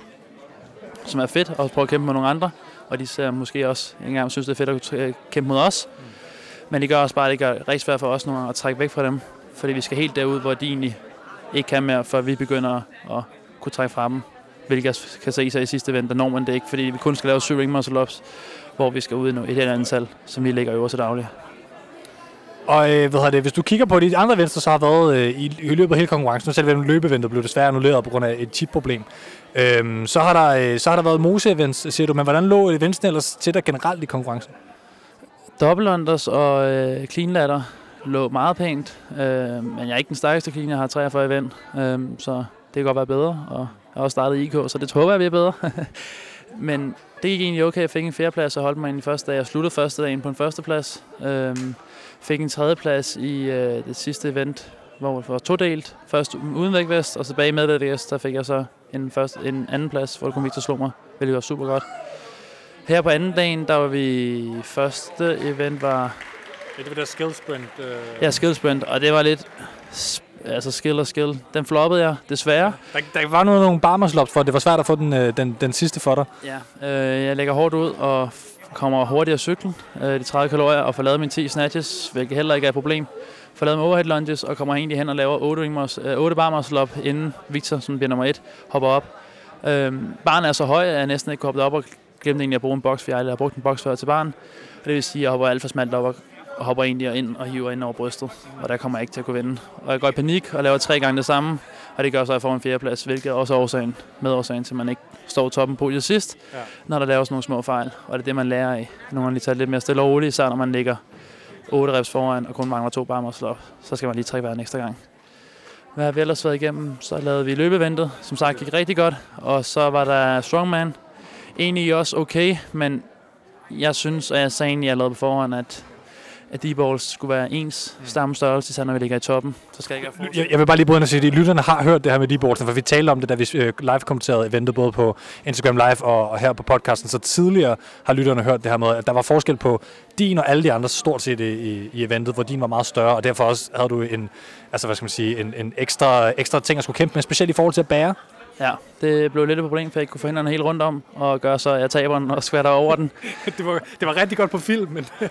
det er selvfølgelig ærgerligt, at det tager, tager lige 5-10 sekunder ekstra, ja. øh, som man gerne ville have været for uden, for det gør forskellen i sidste ende, og frustrationer og sådan noget undervejs, men det er, hvad der sker. Jeg havde sagt det til dem inden, at jeg håbede på det, og vi fik at vide overdommerne, inden vi startede, at vores, eller vores dommer fik at vide overdommeren, at de skulle være meget nøje, fordi vi lå, så vi lå to points forskel, mm.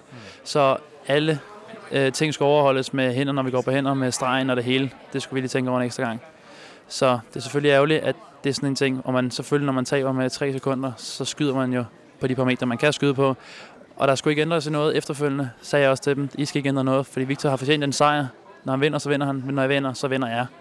Og vi træner på samme hold, så vi respekterer os hinanden for det. Det er fedt. Det er fedt at træne med os mod sine egne holdkammerater. Men, men selvfølgelig lidt skuffet over de her, øh, hvad skal man sige, omstændigheder, men den første løbeevent, som går godt for dig og, og sådan nogle ting. Øh, men hvad så til finalen? For du går egentlig til finalen med muligheden for at lukke det selv, tænker jeg. Altså hvis du vinder over, over hvad hedder det, Victor, pointmæssigt, så vil du have, du have vundet. Hvad var så din, øh, din go-approach der? Ja, hvis jeg vinder ham, og vi bliver 1 og 2 eller 2 og 3, rører vi længere ned, så havde det været ligegyldigt alligevel. Øh, men 1 og 2 og 2 og 3, så havde det gjort en forskel. Jeg vidste, den lå rigtig godt til Victor. Øh, især fordi han øver de her ting hver dag, og små events, hvor han trykker til, og han er rigtig god til burpees. Så jeg synes, den var hård igen. Altså jeg er god, hvor det bliver lidt tungere. Været tunge thrusters igen, og noget, hvor jeg virkelig kan sustain, altså holde det ud i længere tid, så havde jeg nok taget den fra ham. Men i de der korte sprint events, der bliver det rigtig svært for mig at komme igennem. Så jeg prøvede, og jeg fik at vide af de andre, prøv at give den gas fra starten af, men det var hårdt fra starten af. og, og det er hårdt at lave 8. event, når man er ved at være død. Øhm, så det var det, hvad det holdt til, og sådan er den her weekend. Gik det, gik det så, som du forventede alligevel? Altså dig og Victor, I lå stort set uh, neck og neck de første to runder i hvert fald. Han fik lidt ekstra mig i første runde, og så lå vi ens i de næste to runder. Så i to sidste runder lå vi stort set ens. Ja, okay, ja. Og det er egentlig det, der gør forskellen. Ja. Jeg kan også høre, at nogle af de andre lå også foran, og det for mig, så jeg tror, jeg fik en femte eller sjette plads, uden at være helt sikker. Ja, jeg har heller ikke lige kigget, men, men det var i hvert fald både Julius og Thomas øh, Sørensen, der lå og, og kæmpede om en tredjeplads, så der var også virkelig, øh, virkelig øh, kul på. Præcis. Øhm, så jeg kunne hurtigt mærke, at det var Victor's event, og så er det sådan, der. Mm. Så giver man en sidste og så nyder vi færdige. Og kan få lov til at holde weekend. Det er også dejligt her imellem. Super. Øh, MS, man kan sige, du er ikke et, et nyt navn, men du er lidt et nyt navn i forhold til, til CrossFit Danmark alligevel. Øh, hvor ser vi dig øh, næste gang? Hvor, hvor, hvor ser vi dig nogle store steder snart, kan man sige? Jeg kommer til Butchers i august. Øh, næste gang med Kasper Daggaard. Og ellers så tror jeg, jeg træder en lille smule ned i løbet af sommeren og nyder det sommer og en lille smule ferie. Øh, og så igen til næste efterår begynder alle sanctions igen og åben. Og så giver vi den nu skud. Og, og så er det sanctions, øh, der er hvad hedder det, Team Nordvest øh, mål der igen, eller hvordan? Der har vi det i hvert fald som mål. Vi begynder at lave nogle teams allerede snart, hvor vi, vi går 4-4 sammen, begynder at træne lidt mere sammen og kigge på, hvilke vi har lyst til at rejse rundt til. Mm. For der er muligheder, og det er sjovt, og det er sjovt at udforske også som hold. Og så længe det er sjovt, skal vi holde fast i det. Og, og så, hvordan er det, i forhold til det sidste spørgsmål, hvis vi lige går tilbage til konkurrencen igen, hvordan er det det her koncept, som er nyt med at sætte folk sammen på, på tværs af niveauer? Nu talte du lidt om, at det har selvfølgelig ændret lidt på, hvordan workoutsene er blevet programmeret. For, for min egen regning vil jeg sige, jeg synes, de har gjort det sådan relativt godt med at prøve at gøre det sådan, så at, at, at det ligesom er godt for jer og godt for de andre, uden det er alt for slemt øh, i forhold til niveauforskellen selvfølgelig gør. For eksempel at handstand walks ikke øh, skulle være unbroken, men man bare startede der, hvor man var nået til hele tiden, for eksempel. Ikke? Øhm, det synes jeg også er minus. Ja, jo, så, ja, ja. jo men jeg, jeg siger, at, de har, at der er ligesom blevet forsøgt fra eventarrangørernes side, at det ikke fylder alt for meget for jer. Ja. Men, men, men man kan sige, hvordan har det været, hvis vi lige ser bort fra det, hvordan har det så været at være på gulvet med nogen i jeres første dag, som var helt tilfældig? Det er sjovt, det er egentlig godt. Jeg er god til at køre min eget løb, øh, og det fungerer egentlig lige så godt. Så jeg ikke altid stå ved siden af dem, man hele tiden skal slå. Når det ligger så tæt hele tiden, kan også være meget pressende. For man mærker dem i nakken, eller ser dem hele tiden foran. Og der er jeg egentlig god til at også pace mig selv og vide, at jeg gør det sådan her. Og man kan køre lidt sin egen taktik, i stedet for at det bliver en anden taktik. Og det er lidt det, som vi ser i løbet, hvor jeg tager Victor. Der bliver jeg nødt til at følge min taktik til sidst. Øhm, så jeg synes, det har været okay programmeret. Der er for meget ben. Vi har næsten ikke lavet noget overkrop, hvilket er ærgerligt. Vi har lavet bare så lidt af, og så sidste event. Ellers har vi kun lavet ben øh, og GOD hele vejen. Og det synes vi er lidt ærgerligt. Øhm, og så kunne vi godt ønske os lidt en lille smule tungere. Nu var jeg til Kronen øh, for to måneder siden med Daniel Skov, mm. hvor vi var så gode og heldige, at vandt. Ja, vi har faktisk allerede talt en lille smule om det, Thomas her, da vi sad og kommenterede tidligere. Øhm, hvilket er rigtig fedt, øh, og der kan man tydeligt mærke, at der er det et RX-event, så der er det programmering helt anderledes. Finalen starter med en bare på 21 ring muscle man får lov til at dele, før man får lov til at stå og squat snatch på 70 kilo, og skal akkumulere 50, som stiger undervejs op til 90 kilo. Så det synes jeg, at det er den store forskel, og det er der, jeg har min force. Mm. Så jeg ved jo også fremtidigt, hvilke event, altså hvilke konkurrencer, hvor jeg ved, jeg er stærk, og kan, men det er også fedt nogle gange at komme lidt ned og måske køre lidt mere cardio-event, som der har været den her weekend, hvor man bare er nødt til at trykke fuld max hele vejen igennem, og ikke er nødt til at pace efter, at jeg skal til at lave øh, 15 legless eller 10 legless rope climb lidt. Man egentlig bare kan løbe alt, hvad man kan derhen, for man ved godt, at man kan godt lave de syv ring muscle ups, når det tæller. Ja, det var, hvis Thomas jeg stod og ved på, om alle ville køre den broken, og det gør næsten alle øh, i sidste event. Jeg tror, der var en, der hoppede ned øh, uden at køre den broken. Hvad hedder det, Esben? Øh, tak for øh, snakken, og så øh, glæder vi os til at se, øh, efter du har trappet ned, og så trappet op igen i løbet af sommeren, øh, om du så ender med at være på et sanctionhold øh, sammen med Team Nordvest. Held og lykke med det fremover. Tak. Det var sjovt at snakke med jer. Efter at atleterne sådan mere eller mindre havde forladt øh, Hvidovre Stadion, så fik jeg en snak med Rasmus Mark, som jo er en, øh, en fast, hvad skal man sige, fast indslag her i, øh, her i CrossFit-ministeriet, fordi han jo står for så mange konkurrencerne i Danmark. I kan høre lidt om, hvad jeg talte med ham om konkurrence, men også konkurrencer generelt med Rasmus om her. Når vi står her midt i oprydningen af Battleground Individuals, og jeg står her med Rasmus Mark, som jo har været forbi podcasten et utal af gange og bliver interviewet hele tiden, og så videre. Rasmus, øh, det er jo sådan en samarbejdsven for jer, hvilket jeg har set tre-fire gange her på det sidste. Det er noget, du, du begynder at gøre ret meget, hvor du ligesom er partner i sådan et arrangørfællesskab af en slags, eller hvordan? Partnerskabet kommer meget an på, hvad, hvad, de, indi, hvad de enkelte bokser har lyst til. Øh, hvis man som boksejer og som, øh, som medarrangør, arrangør, gerne vil være ansvarlig for f.eks. workout, som i det her tilfælde var, var Mainz og Sebastian, jamen så er det selvfølgelig så, så er det jo et samarbejde, vi, vi indgår i. Altså, så kommer vi med input i forhold til praktisk karakter, og så står de med, øh, med, med selve planlægningen og programmeringen af det. Øh, vi har tidligere benyttet os af, af for eksempel Darkside, øh, Kasper Myers i Hobro, øh, som har nogle, øh, et know-how til, til workout-programmering, som, som jeg ganske enkelt ikke har. Øh, så, så når det optræder hyppigere og hyppigere, så er det simpelthen for at imødekomme, hvad, hvad man har lyst til. Altså det er jo et samarbejde i den forstand, at hvis, øh, hvis boksen ikke selv har lyst til at, at, at have det ansvar eller sidde med den post, jamen så gør jeg det, eller gør vi det. Og hvis, øh, hvis det er noget, man gerne vil involvere sig i, jamen så er det også det, vi gør. Hvordan øh, ser det ud med, øh, med den her nye øh, pop-up shop, som er her i baggrunden, øh, hvor vi har fået vores, øh, vores trøje her i løbet af konkurrencen med, hvor, hvor øh, det er faktisk et ret stor shop. Jeg troede, den var mindre, da jeg hørte om den, kan man sige. Er, er det noget, som, som du sætter op hver gang, det her?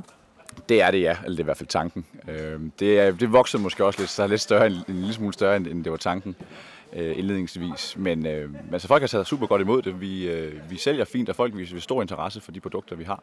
Øh, vi forsøger sådan løbende at udvide med, hvad, hvad vi tror, eller vi hører, miljøet gerne vil have, og så kan det være, at vi hiver det hjem fra USA, eller hvor det nu måtte være. Øh, og i håbet om, at, at det selvfølgelig øh, bidrager til de konkurrencer, vi til, uanset om det er vores egne eller andre. Nu var vi for eksempel også ved, øh, ved Butchers Battles, øh, hvor vi havde fået lov til at stille op af Chris og, og Stefan. Så, øh, så forhåbentlig så bidrager det lidt til oplevelsen, at man kan lave noget mellem events og bruge nogle penge. Altså, altså selvfølgelig er der også noget økonomisk i det for os, men, øh, men det handler også i høj grad om at, og måske at bidrage til de arrangementer, vi nogle gange rundt til. Det gør også, hvad skal man sige, Venstre lidt større, når der kommer flere madboder og flere, hvad skal man sige, øh, hvad hedder det, shops, hvor man kan købe ting. Vi så til for eksempel, øh, hvad hedder det, North Face Off, som jo også var en slags øh, partnerskab, som vi taler om i sin tid, ikke? at der var for eksempel rigtig mange øh, boder, øh, og det, det gør jo et eller andet for stemningen, at det begynder at blive sådan mini, mini regionals-agtigt med den der vendor village.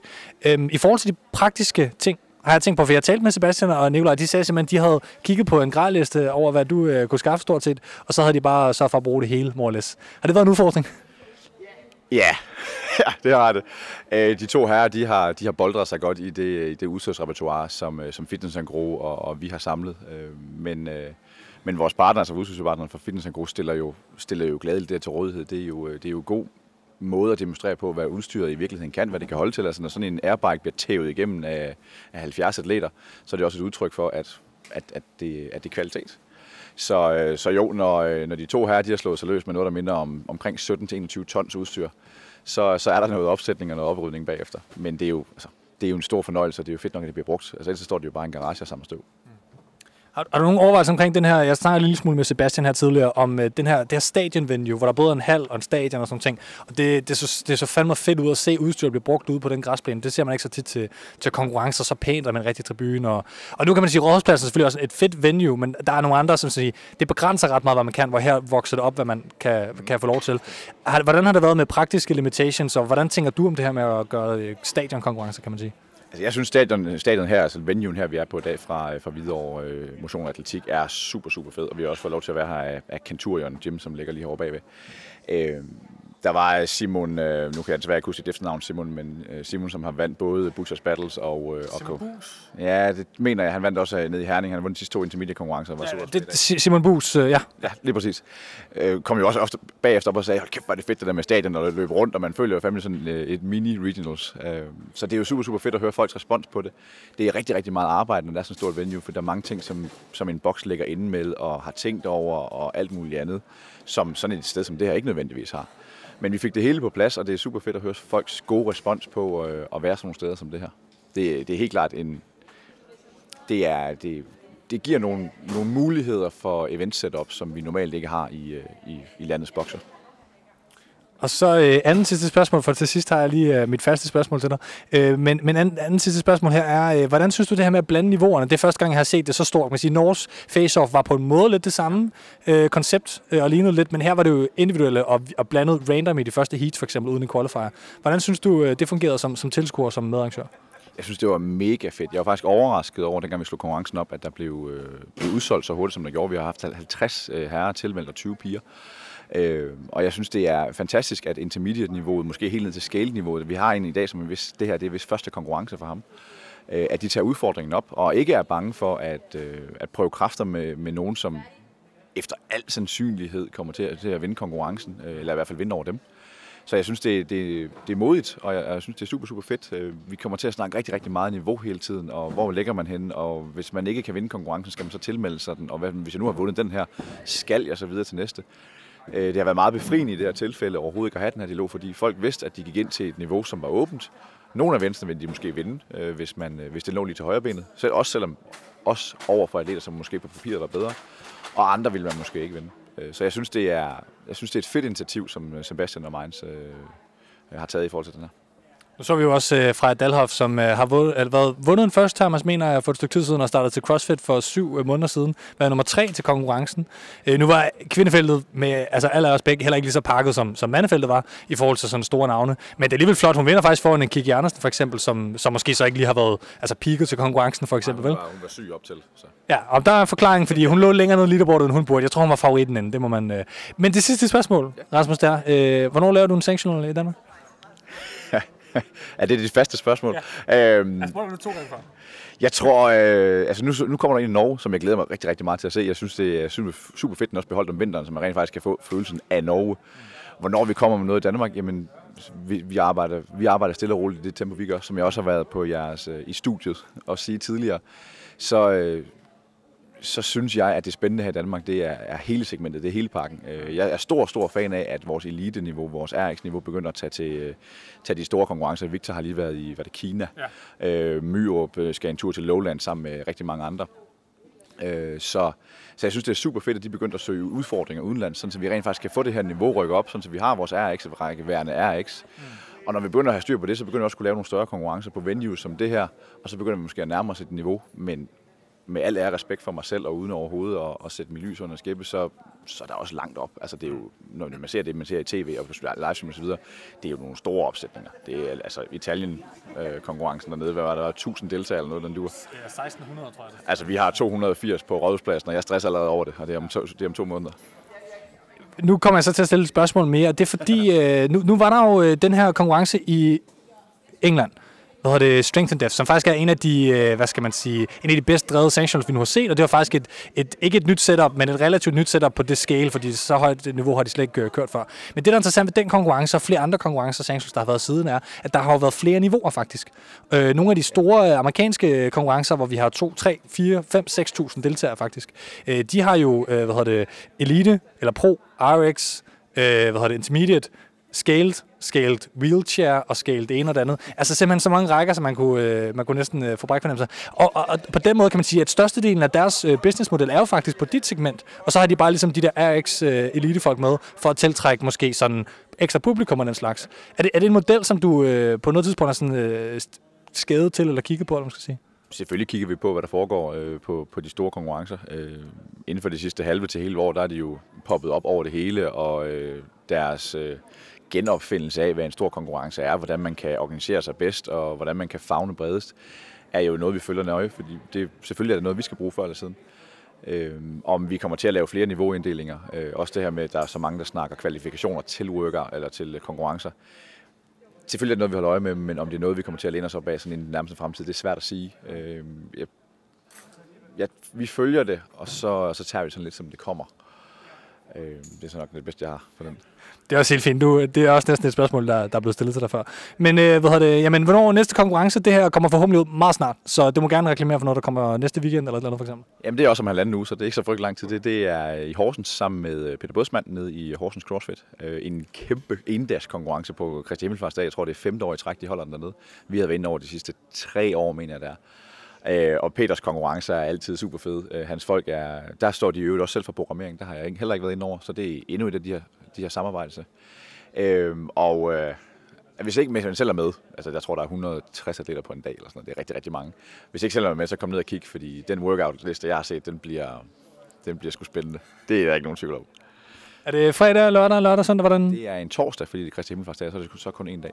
Jeg vil egentlig, nu, nu har du stået og stillet mig spørgsmål sådan nogle ting, så nu blander jeg mig lidt i, i flowet af den her, så om du... Øhm, vi er jo desværre stået over for øh, i næste weekend at skulle aflyse en masterkonkurrence til.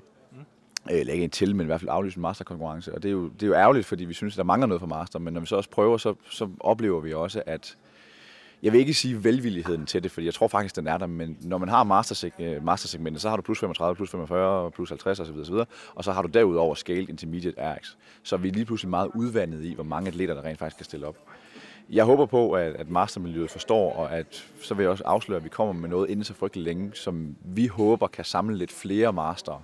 Vi har set super stor opbakning til de her boks, øh, de her arrangementer, som bokserne render rundt og laver hvor de laver sådan noget mastertræning, og så kommer der atleter fra hele landet. Det er et super, super fedt initiativ. Jeg ved, der har været i Aros, jeg ved også Aarhus CrossFit har kigget på det. Øh, så ikke ala det, det er stadigvæk en konkurrence, det er stadigvæk vores niche, men, men et setup, som måske omfavner lidt flere aldersgrupper og niveauer og sådan noget, så vi måske kan nå op på den volumen, der gør, at vi kan holde en, en super fed dag for Masters. Så hold øje med, med RX Facebook-siden ikke så længe, så, øh, så kommer vi med med det. Super. Men lad det være den øh, sidste replik, og øh, tak for øh, hvad kan man sige, konkurrencen, og tak for øh, snakken. Selv tak. Og øh, mens Thomas stod og øh, ventede, øh, hvad skal man sige, ret utålmodig på, at jeg skulle øh, komme ud, så vi begge to kunne komme øh, hjem af, så nåede jeg at hive fat i øh, Malak Kanip, som har været både øh, dommer og frivillig til rigtig mange konkurrencer rundt om i, i Danmark. Og øh, hvad hun sagde til den oplevelse om det at være frivillig, og, og hvordan man i øvrigt kan blive for eksempel dommer til forskellige konkurrencer i Danmark, det kan I høre mere om her. Jeg står her med Malak Kanip. Er det sådan, man udtaler Ja, super. Og øh, ja, der er ved at blive pakket ned i konkurrencen øh, bag os. Og øh, du har været frivillig hele øh, weekenden, og er frivillig ja, til alle mulige konkurrencer. Jeg synes, øh, jeg, jeg synes, jeg har ikke været til nogen konkurrencer næsten, hvor du ikke har været i, i København, sådan uh, more. Øhm, hvordan, øh, hvordan kan det være, at du ender med at være frivillig til så mange øh, konkurrencer? De her, altså, nu har du været som, som dommer her, ikke? Ja, ja, lige præcis. Ja, jeg har været dommer her i dag, øh, og som du selv siger, så er jeg frivillig til rigtig mange forskellige events her i København øh, og i Jylland. Øh, og det er fordi, jeg synes, det er så fedt, øh, at der er så mange ildsjæle i CrossFit-verdenen, som gør noget for sporten. Så det er også det, jeg gerne vil støtte op om. Og jeg ved fra øh, de bokse, jeg selv træner i, øh, hvor svært øh, folk, der arrangerer konkurrencerne, har ved at finde frivillige. Så øh, altså, jeg melder mig der, hvor jeg kan, fordi jeg gerne vil hjælpe. Altså, jeg, Peter Bosman har også lige sagt, der er konkurrence i Horsens lige om lidt. Og der tænker jeg, selvfølgelig skal jeg op og være frivillig, fordi altså, han mangler helt sikkert nogen. jeg synes, har du nogensinde oplevet en konkurrence, hvor der var sådan fuldt op på frivillige? Mm, fuldt op? Nej, altså man kan altid bruge flere, synes jeg. Altså, og hvis man har muligheden for det, så synes jeg helt sikkert, at man skal melde sig til som hjælper eller dommer eller udstyres et eller andet, fordi er der tre mand i stedet for to mand, så bliver det et, klart et bedre produkt. Altså, så kan man holde de her pauser, som er nødvendige også, og det synes jeg er fedt. Nu har du været dommer her til, til konkurrencen. Øhm, det er en sådan lidt en øh, svær position i gang imellem, i forhold til, at øh, der er, ja, jeg har set flere atleter, der er blevet udvendt med deres dommer i løbet af konkurrencen, så man skal have en hård hånd og samtidig også øh, til et, øh, godt og sådan ting. Hvordan, hvordan øh, synes du, det er at være, være dommer? Bliver man råbt af det en gang imellem?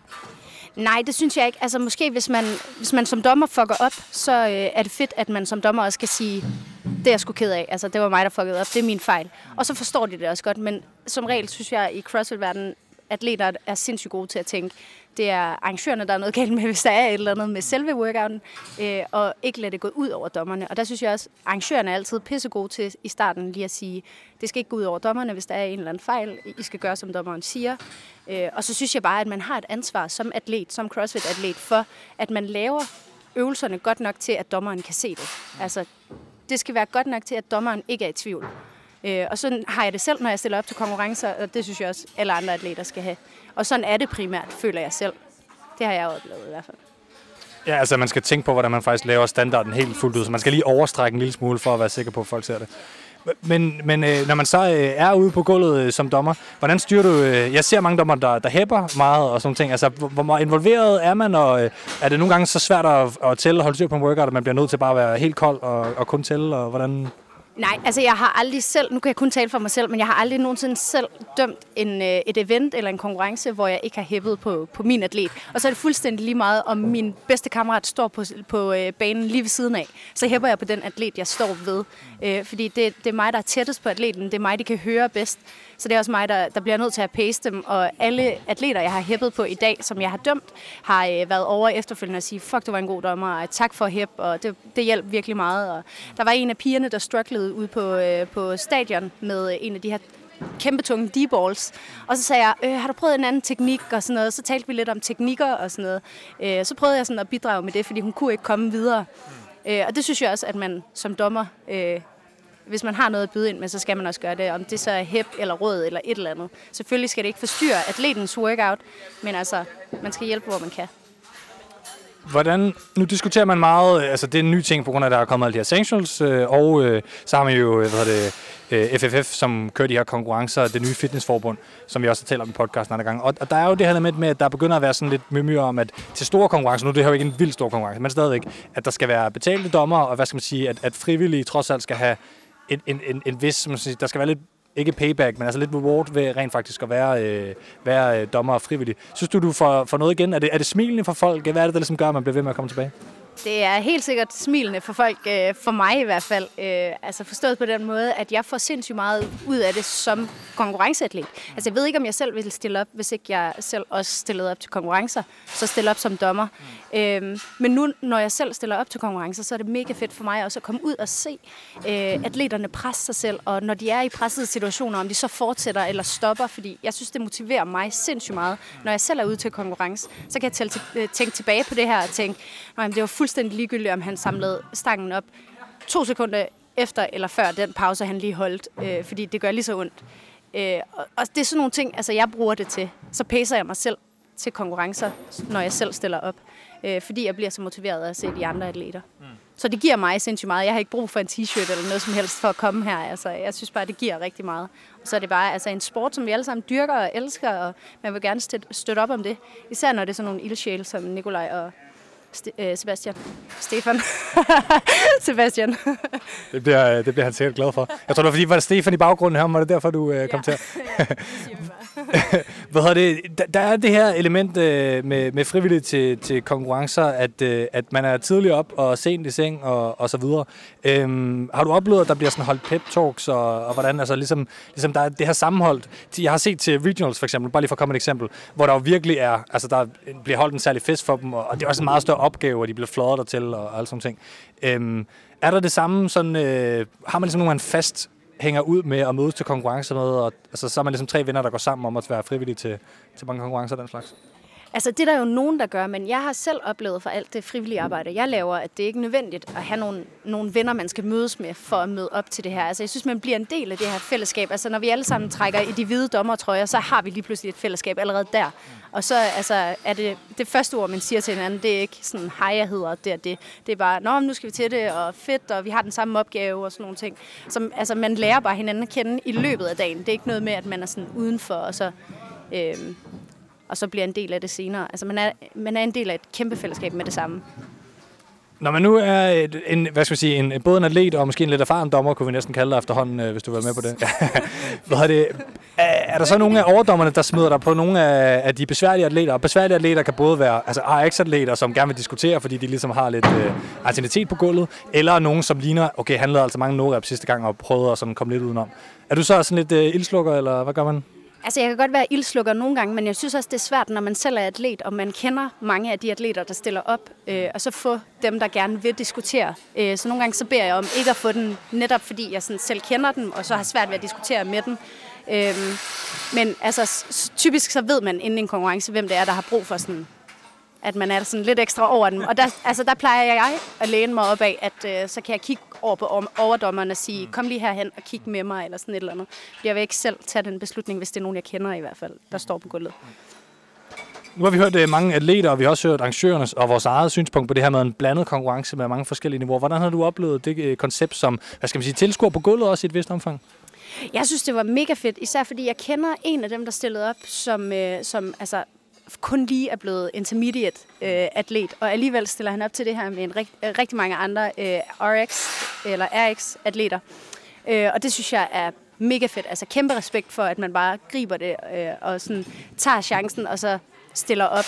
Øh, især fordi, at der er blevet lavet om på niveauerne, så nu skal det være endnu hårdere at blive RX-atlet, eller hvad man nu siger. Det hører man i hvert fald folk sige.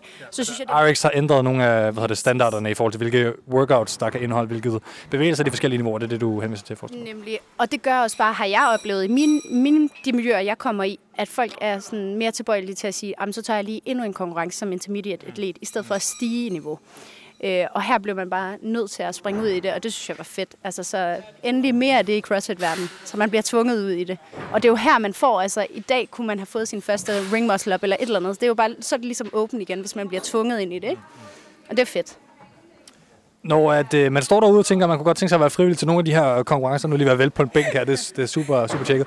Øhm, hvad gør man så? Fordi at øh, RX holder over konkurrencer fandme hver eneste øh, weekend. Sådan, skriver man til Rasmus, eller den enkelte konkurrence, man melder sig til. Hvordan, hvordan, hvordan foregår det? Jamen altså, hold øje med Facebook-sider og blive medlem. Altså, jeg er medlem af rigtig mange øh, øh, CrossFit-grupper på Facebook, og der bliver det postet, øh, Nikolaj har brug for hjælp her, eller Peter har brug for hjælp her, eller en eller anden har brug for hjælp her. Og der skal man bare øh, altså, ikke være bleg for at melde sig, melde sig til, eller hvis man kender nogen, der stiller op som dommer, så spørg, om har de brug for flere, fordi det har de helt sikkert. Altså, så tag med. Hvis en veninde skal ud og dømme et eller andet, så sige sådan, det vil jeg sgu gerne prøve. Vi havde rigtig mange i dag, som var helt nye, øh, både i CrossFit-verdenen, men også nye dommer. Øh, og de sprang bare ud i det, og det var sådan, de var lidt nervøse i starten, men mm. altså, så snart de havde prøvet det en gang, så var det bare fedt at få lov til at dømme. Øh, så jeg synes helt sikkert bare, at man skal gøre det, altså melde sig til, hvor man kan, så snart man hører om en konkurrence. Hvad er det for nogle uh, Facebook-grupper? Nu, nu siger du, at der er nogle. Hvad, kan du nævne to, for eksempel? Øhm, altså, jeg er medlem af CrossFit Holstebro, CrossFit Norse, okay, ja, Butchers Lab, ja, altså okay. Box ja. øh, Facebook-grupper. Øh, også den, der bare hedder CrossFit Danmark, eller et eller andet, altså, hvor der også bliver skrevet ud, når man har brug for, for hjælp. Ikke?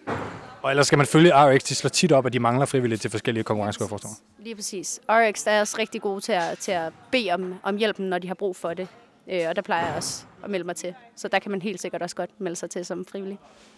Nu vi taler om som øh, frivillig dommer. Nu sagde du, at du også øh, er atlet øh, nogle gange. Hvor, øh, hvor stiller du op til noget øh, snart? Så? øhm, jeg har lige talt med Peter om, at jeg måske skal stille op i Horsens, hvis ikke jeg finder en makker og selv kan stille op. Øhm, eller stille op som, som dommer. Mm. Så jeg vil gerne med til konkurrencen der, men nu må vi se. Jeg har selv været ude af gamet i lang tid, fordi jeg kom i forsvaret og sådan noget, så øhm, jeg prøver at komme tilbage igen øh, og skulle konkurrere igen. Så det bliver vi får se. Vi får se. I hvert fald hos CrossFit Holstebro øh, til december okay, hvad stiller jeg op. Hvad er det for en? Det er, hvad den hedder, Cold Steel. Cold Steel konkurrencen. Ja. Teamkonkurrence, ja. Der stiller jeg op hvert år. Og det gør jeg også i år. Så øh, december? December i hvert fald, måske før. måske Horsens. Super. Jamen, øh, tak for at snakke med dig. Så, øh, så vil jeg sige, øh, giv en high five til Malak derude, når I ser hende igen som frivillig, eller igen som, øh, som øh, dommer. Ja, og tag en selfie med mig, det vil jeg gerne. tag en selfie med Malak. tak. Tak for, øh, at I øh, lyttede med til den her bonusepisode. Det er jo lidt sådan nogle øh, små forsøg, vi laver med, hvordan vi prøver at lave de her øh, dækninger. I det her tilfælde var det jo, hvad skal man sige, for, for vores egen rækker i det, at Nikolaj har været en af hovedarrangørerne på, på konkurrencen. Det er altid pissfedt at komme ud og snakke med jer atleter, og jeg håber, at I tager lige så godt imod os, som øh, I gjorde til den her konkurrence, hvor der ikke var en eneste, der, der sagde nej til, til interviews. Der var på et tidspunkt en enkelt eller to, der sagde, hey, kan vi lige tage den senere? Lige nu er jeg i gang med dit eller dat det er bare fedt at gøre det. I hvert fald siger jeg øh, både tak til atleterne og arrangørerne for at stille op til interviews, og håber, at øh, både de og også tilfældige tilskuere måske i fremtiden har lyst til at gøre det samme. God træning derude.